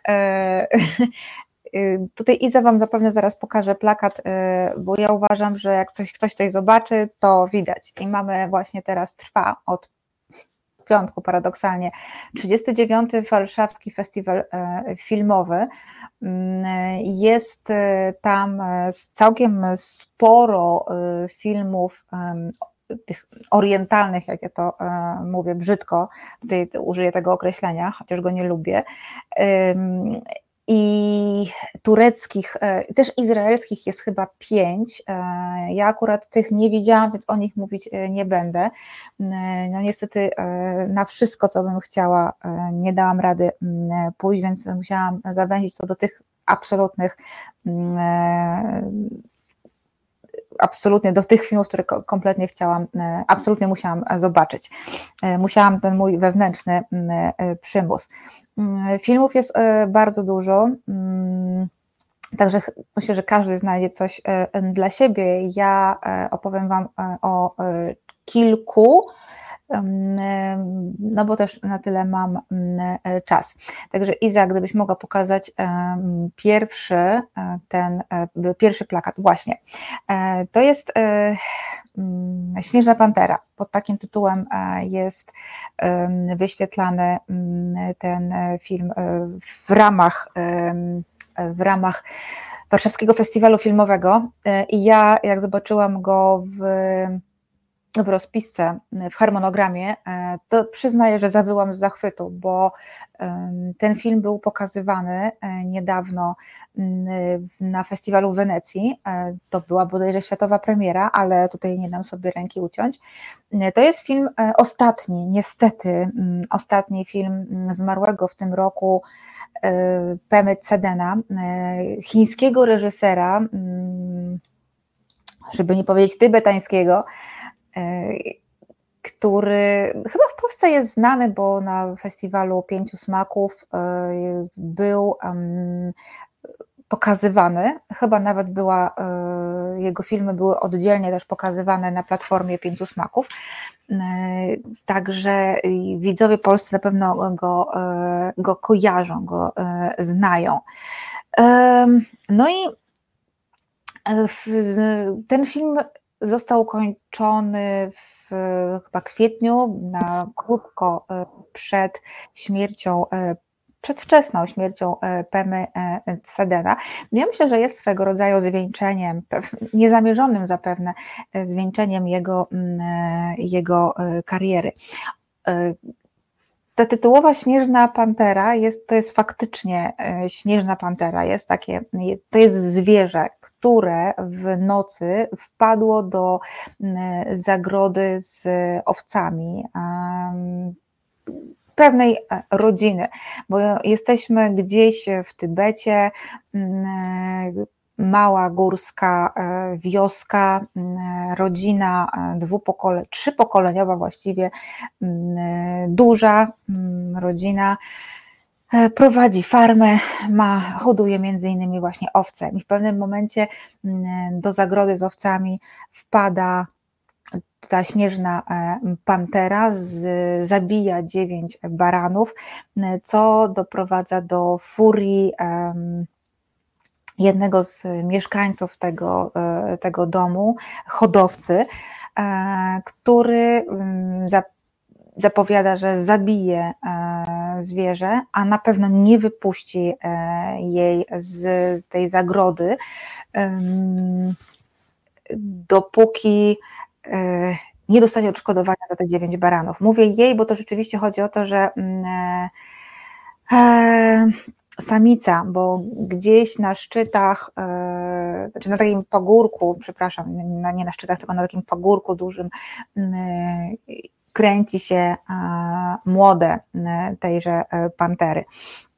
Przyjeżdża telewizja, bo jeden z mieszkańców tego domostwa, z tej rodziny, młody mnich który jest zafascynowany fotografią. E, mnich buddyjski, który kocha e, przyrodę i kocha fotografię i robi zdjęcia śnieżnym e, panterom.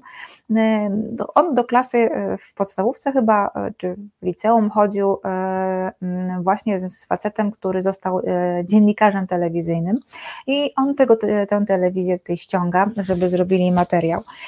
Przyjeżdżają przedstawiciele nadleśnictwa, przyjeżdża w końcu policja, wszyscy próbują próbują, wywierają presję na hodowcy, żeby wypuścił śnieżną panterę, a tym bardziej nie zabijał, bo właściwie już y, tylko i wyłącznie trzymając ją w zagrodzie mm, dopuszcza się y, przestępstwa, ponieważ śnieżna pantera jest pod ścisłą mm, ochroną.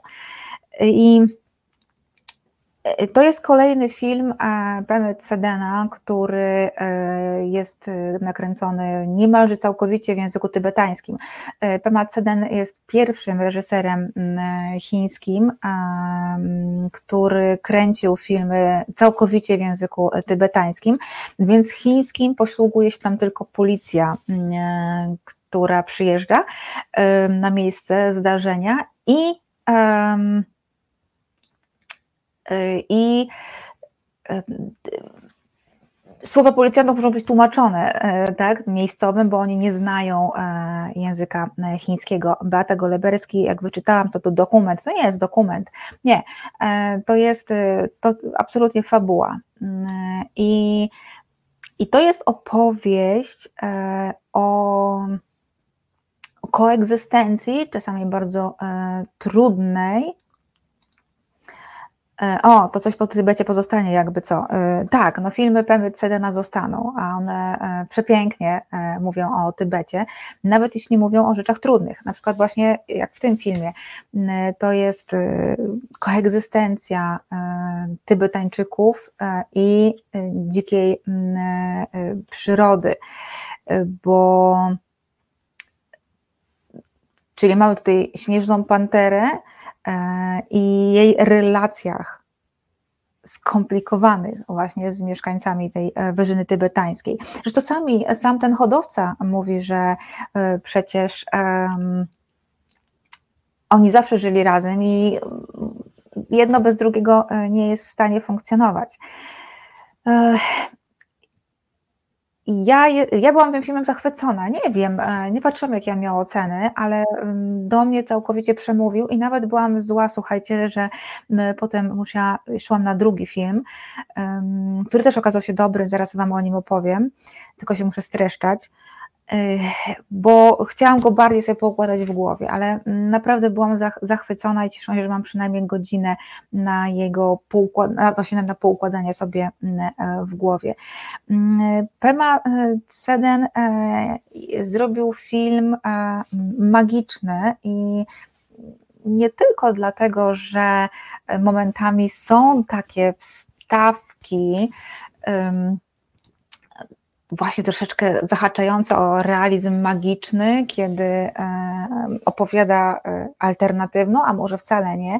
Reżyser opowiada e, historię relacji między tym taką, takim, taką takiej mistycznej niemalże, duchowej relacji między tym mnichem i śnieżną panterą. Mnich zresztą nie kryje, że w kolejnym życiu e, chciałby być, odrodzić się właśnie jako mm, śnieżna e, pantera. Mm, jest e, ale ta magia życia w takim pojawia się też taka magia życia w ścisłym e, kontakcie z naturą, bo e, ci hodowcy na wyżynie tybetańskiej są od natury całkowicie zależni. Mm, e, jest fantastycznie poprowadzona narracja pokazująca prostotę tego życia, no i jednocześnie nie upraszczająca i nie w taki sposób troszeczkę jak obawiam się, że będą pokazani polscy chłopi w filmie, mm, który wchodzi w piątek na ekrany kin, ale może nie, w taki sposób troszeczkę folkloryzujący w negatywnym słowa tego mm, znaczenia, czyli paździerz. E, tego tutaj nie ma. Tutaj e, też nie ma też gloryfikacji nie, że to jest lepsze życie niż dla, miejsc, dla, miejsco, dla miastowych. Nie, po prostu jest pokazane mm, piękno i prostota mm, tego życia w zgodzie z, z naturą, w tej czasami trudnej e, zgodzie, wystawianej na mm, trudności. I tak, y, kapitan Stratford ma rację, zdjęcia zachwycają, ten film jest absolutnie oszałamiający wizualnie, są przepięknie pokazane e, tereny wyżyny tybetańskiej e, i jest e, fantastycznie mm, sfilmowane mm, te proste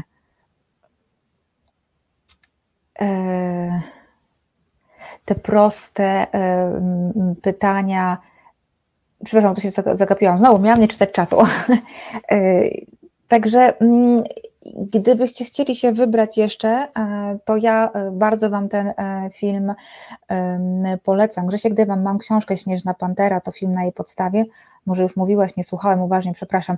No, no, no, no, no, no, no, no, no naprawdę, nie słuchałeś uważnie. Nie, nie mam zielonego pojęcia, nie, nie doczytałam, przyznaję, czy to jest jakaś adaptacja książki, ale, ale wątpię. W Polsce, o Tybecie?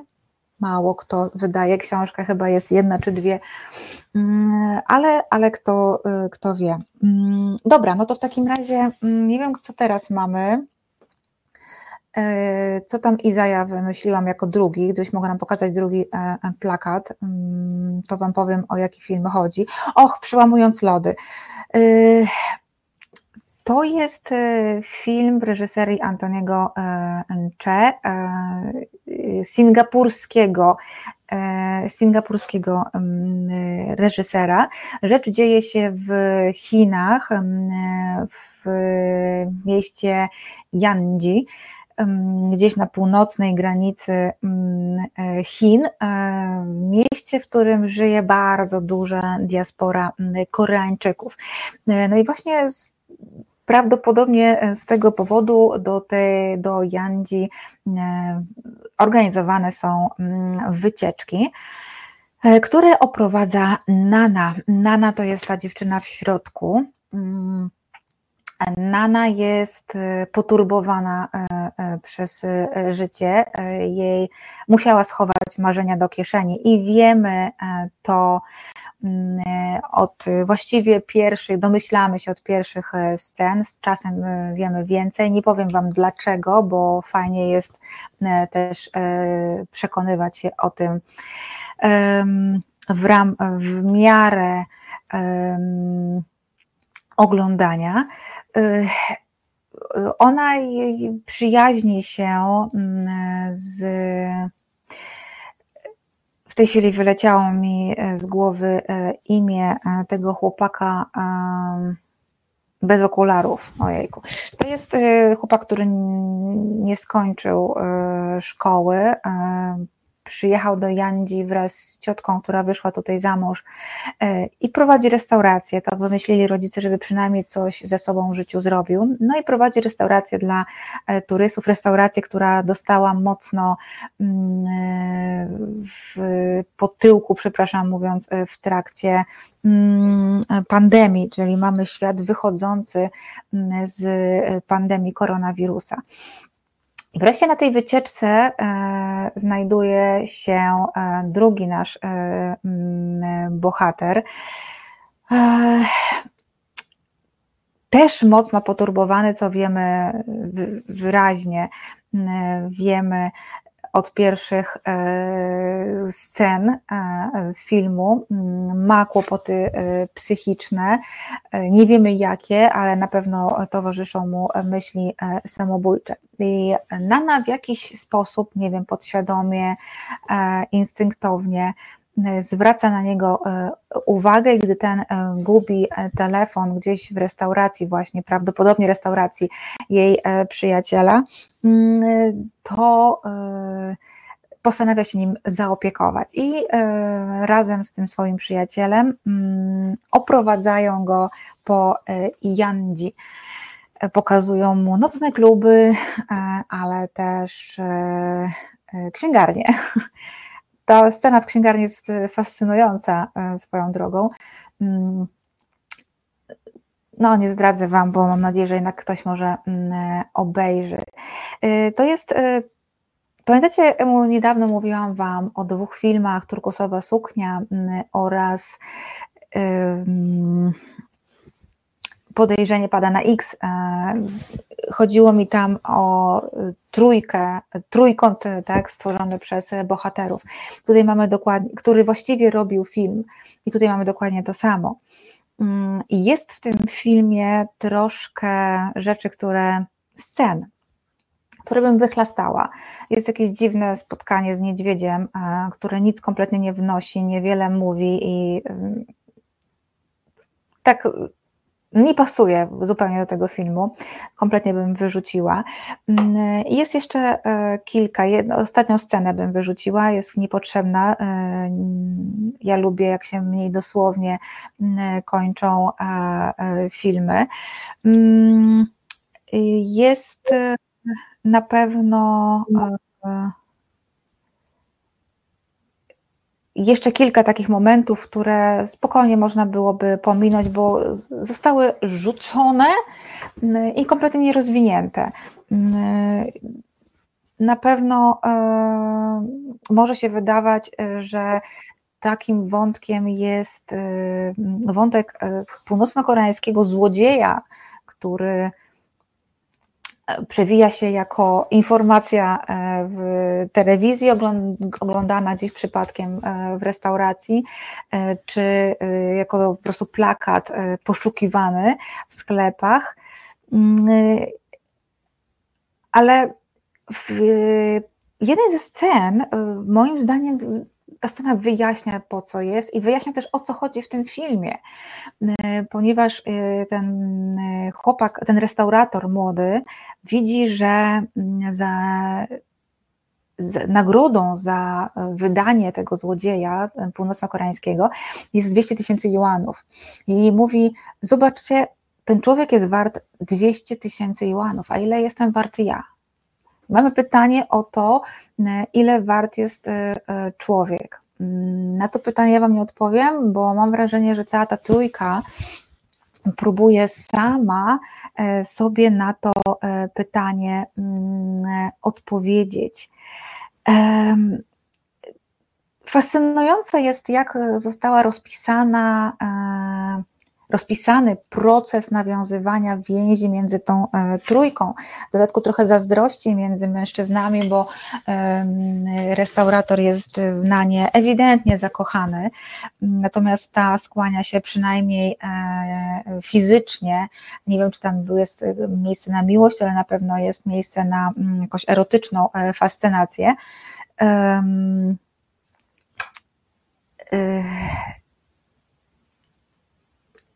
ale skłania się ku niemu. E, więc jest e, ciekawie mm, bardzo rozpisana ta, e, ta relacja, bardzo ciekawie skonstruowane mm, postacie. No ale ta trójka aktorów robi wszystko. Oni wprowadzają, oni wprowadzają to na wyższy poziom. Bella, The Breaking Ice, przełamując lody po polsku, ma na film webie ocenę 6,5. Nie wiem po co to piszesz, ale powiem tak. 6,5 to całkiem spoko ocena, ale ja szczerze mówiąc, mam gdzieś e, opinię film webu, bo po prostu ich nie szanuję. E, jeżeli tam piszą filmoznawcy, to to jest ok, fajnie, tutaj e, na pewno biorę pod uwagę, co, co uważają, natomiast większość ocen wydają internauci, którzy o kinie mają bardzo miałkie pojęcie. Mm, czytam ich komentarze, czasami robię to sobie tę krzywdę mm, i i widzę, że no, mm, no nie, po prostu e, nie szanuję film webu. Uważam, że kiedyś dobry serwis e, z, zupełnie e, zlazł na manowce. Melodramat, tak, jest to melodramat, ale nie w takim charakterze, że mówi tylko i wyłącznie o związkach miłosnych. Nie, bo tam więcej jest raczej poszukiwania siebie, próbowania poukładania, próby poukładania swojego życia z ruin, Myślę, że ta pandemia, która gdzieś z tyłu nam się mm, przewija, mm, jest dobrym właśnie momentem, że świat podnosi się e, z gruzów po pandemii, tak jak, tak jak ta trójka młodych e, ludzi mm, ma e, też pod, próbują może jakoś tam się poskładać, jakoś funkcjonować. Piotr Strychalski, każda osoba jest warta wszystko albo e, nic, moim zdaniem zależy od tego, jak rozstrzyga o najtrudniejszych wyborach. O to bardzo ciekawe, bardzo ciekawe e, podejście. Mm, e, bardzo mi się, bardzo mi się podoba. I myślę, że to też pasuje do bohaterów tego filmu.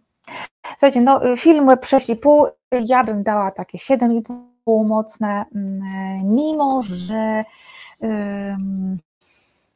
mimo że e, jest tam kilka scen absolutnie do wycięcia. E, tutaj off-top, Grzesiek Dewam, ale odpowiem. E, Blanka, kiedy będziesz znowu w radiu... Ło, pani, coś się idzie tutaj kliknęło.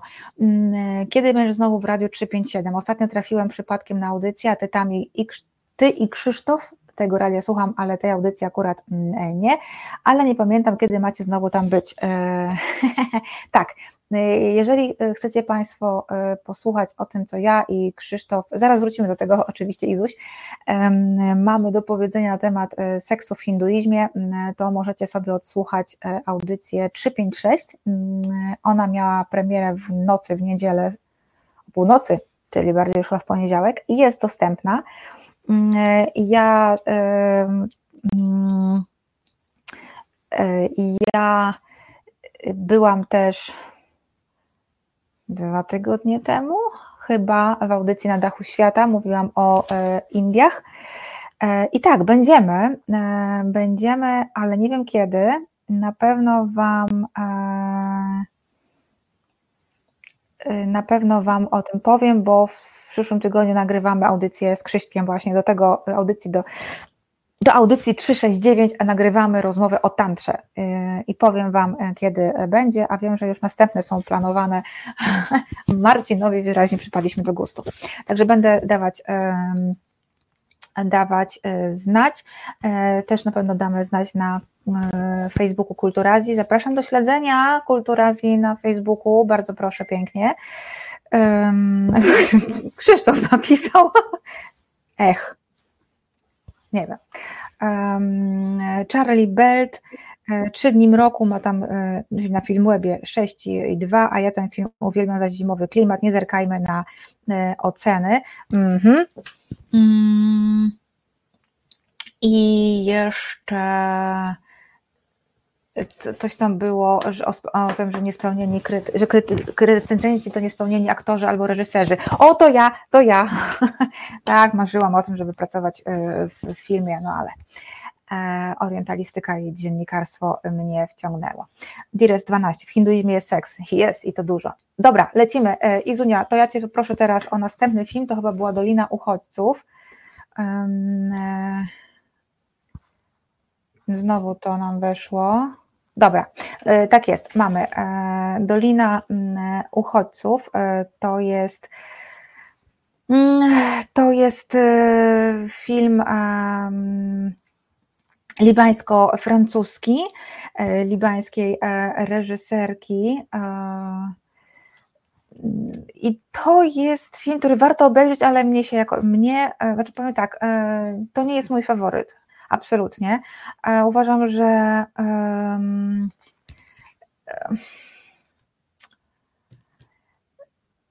miał bardzo dobry potencjał, e, a teraz nie wyszedł. Ale o co chodzi? Mamy dwie siostry, te, które są e, na e, plakacie. Starsza to Rima, młodsza to Nur. Starsza Rima jest mężatką, jest w ciąży. To są Syryjki z nie pamiętam na, e, miasta, czy z Homs, nieważne, ale oczywiście uciekają przed wojną. To są wczesne lata wojny, pierwsze lata wojny. E, uciekają do Libanu. Ma do nich dołączyć mąż Rimy.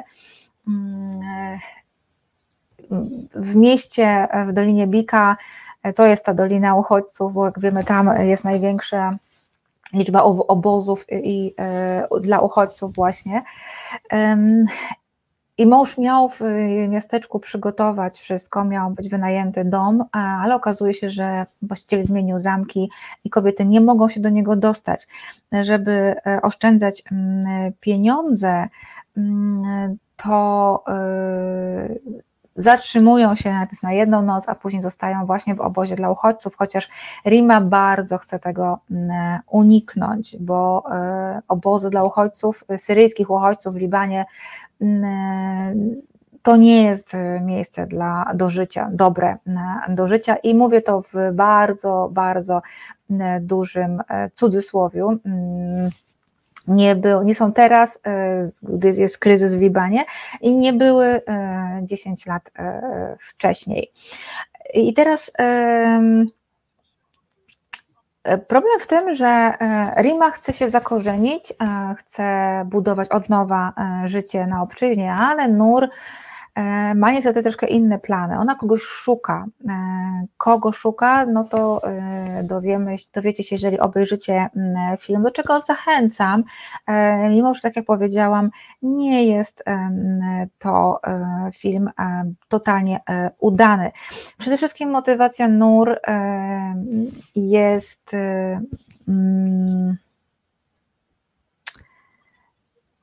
Znaczy, kurczę, muszę Wam e, to coś powiedzieć, a jednocześnie nie spoilerować, to jest bardzo e, e, trudne. W każdym razie nie do końca dobrze jest zarysowana mm, motywacja Nur, młodszej sióstr, która szuka tego tajemniczego mężczyzny.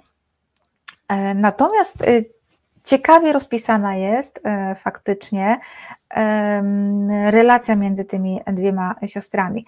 E, byłoby lepiej, gdyby dziewczyny lepiej grały, zwłaszcza Rima e, jest moim zdaniem średnią aktorką,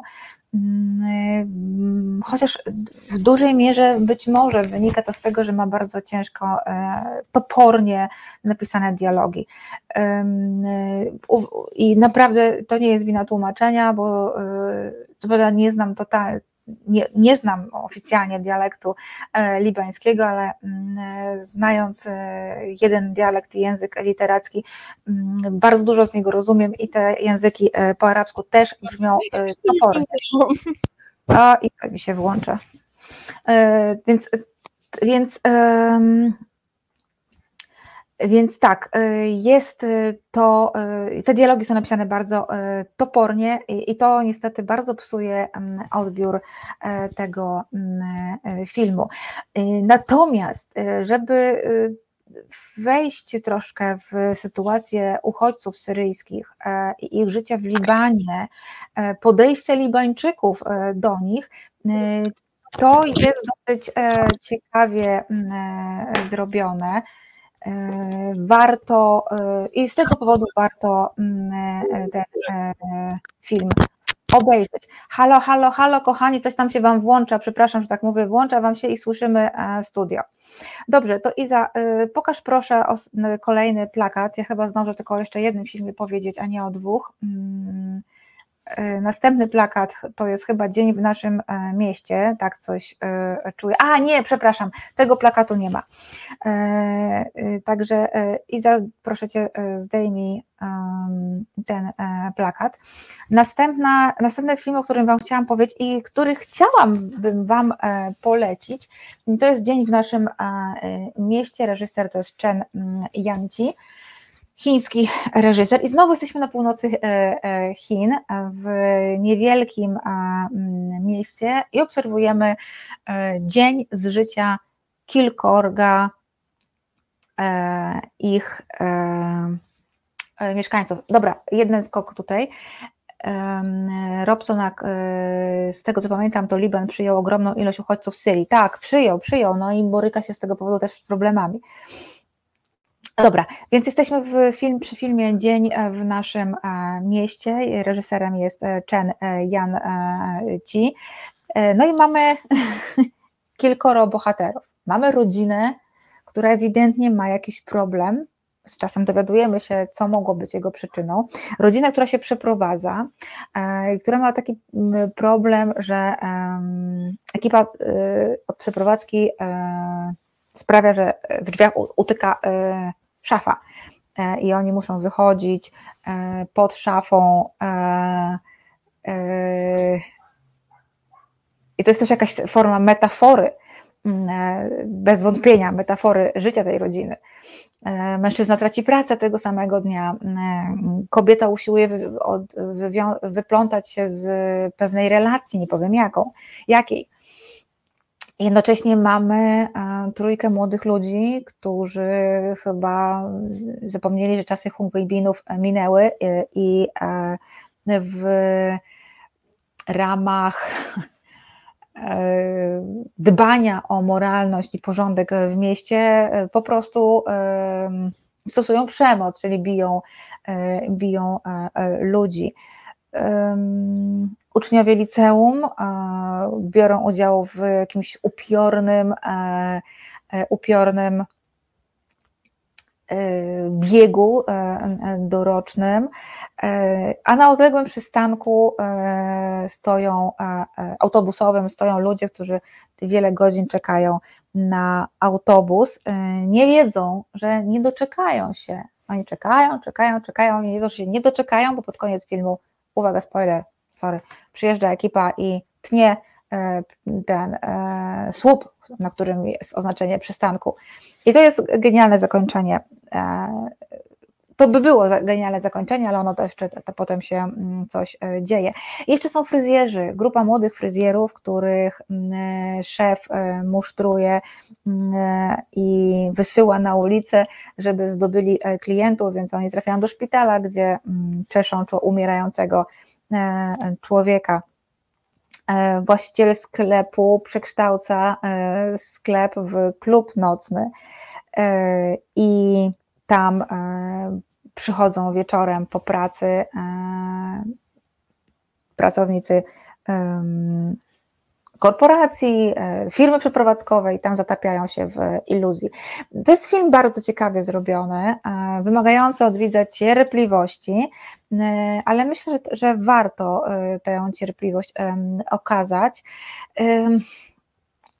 I jest tam trochę mnóstwo, mnóstwo absurdu, dowcipu sytuacyjnego, dowcipu niewymuszonego, bardzo inteligentnego, i to nie jest dowcip, który sprawi, że po prostu będziecie pluć popcornem mm, ze śmiechu, raczej tak, wiecie, wewnętrznie, no tak, e, uśmiechniecie się tak, e, ale to jest dobre. No ja tak bardzo, bardzo e, lubię takie filmy. Jest trochę groteski i bardzo ciekawie poprowadzona narracja, mm, kiedy nie wiadomo o co chodzi, a z czasem, z czasem te wszystkie wątki zaczynają się e, łączyć e, i e, tworzą mozaikę, całość, lekko absurdalną, ale dosyć ciekawą. Ja miałam Wam jeszcze powiedzieć o wszystkie filmie, wszystkie piosenki, mm, których e, nie śpiewaliśmy, e, ale już nie zdążę, bo e, brakuje mi czasu. Pokażę Wam tylko plakat i Iza powinna go mieć. Te plakaty wyciągałam z internetu, to nie są ze strony ze strony festiwalu. O, są wszystkie piosenki, e, których nie śpiewaliśmy. E, warto to obejrzeć, bo to jest koprodukcja japońska e, i to jest film o poławiaczach, tak zwanych amach. No ale nie zdążę Wam już opowiedzieć. Bardzo Wam przepraszam, ale też ciekawy, ciekawy film ze względu na wątek polski nie zdradzę. E, dobrze, słuchajcie, e, tutaj Grzesiek Dewan pisze a propos tego autobusu e, i ludzi na czekających. To tak jak z niezdecydowanymi wyborcami stoją na przystanku, a nic nie jedzie w ich kierunku. No właśnie, więc mam nadzieję, że Wy jednak, drodzy widzowie, będziecie mieli autobus, który jedzie w Waszym kierunku. Pamiętajcie, że jak to jest w tym powiedzeniu, mm, animowany, nie, nie, nie, to nie jest, to jest film aktorski. Pamiętajcie proszę, że e, żaden autobus bezpośrednio do celu Was nie dowiezie, a no, prawie żaden, ale to nie jest małżeństwo, nie zawieracie z ślubu nie szukacie ideału tego jednego, jedynego, e, tylko właśnie wsiadacie do autobusu, który ma Was podwieźć najbliżej Waszego celu. O, chyba tak to brzmiało, e, Grzesiek. Mam nadzieję, że mnie, że mnie w razie czego poprawi. E, Piotr Strychalski, a to ja się przypomnę o Twoim udziale, Blanko, w audycjach środowych, filmowych u Piotra i Macieja. Będzie coś z tego? A wiecie, Piotr, ja oczywiście z przyjemnością, ale to, że tak powiem, y, nie dostałam zaproszenia, więc to chyba e, w środę musisz napisać e, u Piotra i Macieja, a, a nie u mnie, bo nie mam zwyczaju się wpraszać ale zaproszenie oczywiście e, no. bardzo chętnie e, przyjmę, zwłaszcza, że w piątek jest premiera filmu koreańskiego, e, który ja już widziałam. Jest przepiękny i fascynujący. Dobra, więcej na chyba proszę. Nie, jest w porządku. Tak? Jak Pani Blanka głosować? Dobrze dla swojaków, czy dobrze dla nas. Słuchajcie, głosujcie tak, jak Wam e, sumienie e, podpowiada. Ja nikomu nie będę mówiła, jak mają głosować, ani nie będę e, radzić. Dlatego, no. że w poniedziałek mam urodziny, w związku z czym fajnie było, gdybym dostała mm, dobry prezent od całego społeczeństwa, przynajmniej od jego znacznej części. Dziękuję Wam bardzo za dzisiaj w swoim imieniu mm, i w imieniu Izy, która realizowała, walcząc z przeciwnościami technicznymi, w przyszłym, tygo, w przyszłym e, tygodniu będzie odcinek z dwójką gości, będzie dużo o Chinach, tych dawnych i tych bardzo, bardzo współczesnych, między innymi profesor Jakobi będzie moim e, e, gościem. Dziękuję Wam serdecznie i do zobaczenia, mam nadzieję, za tydzień.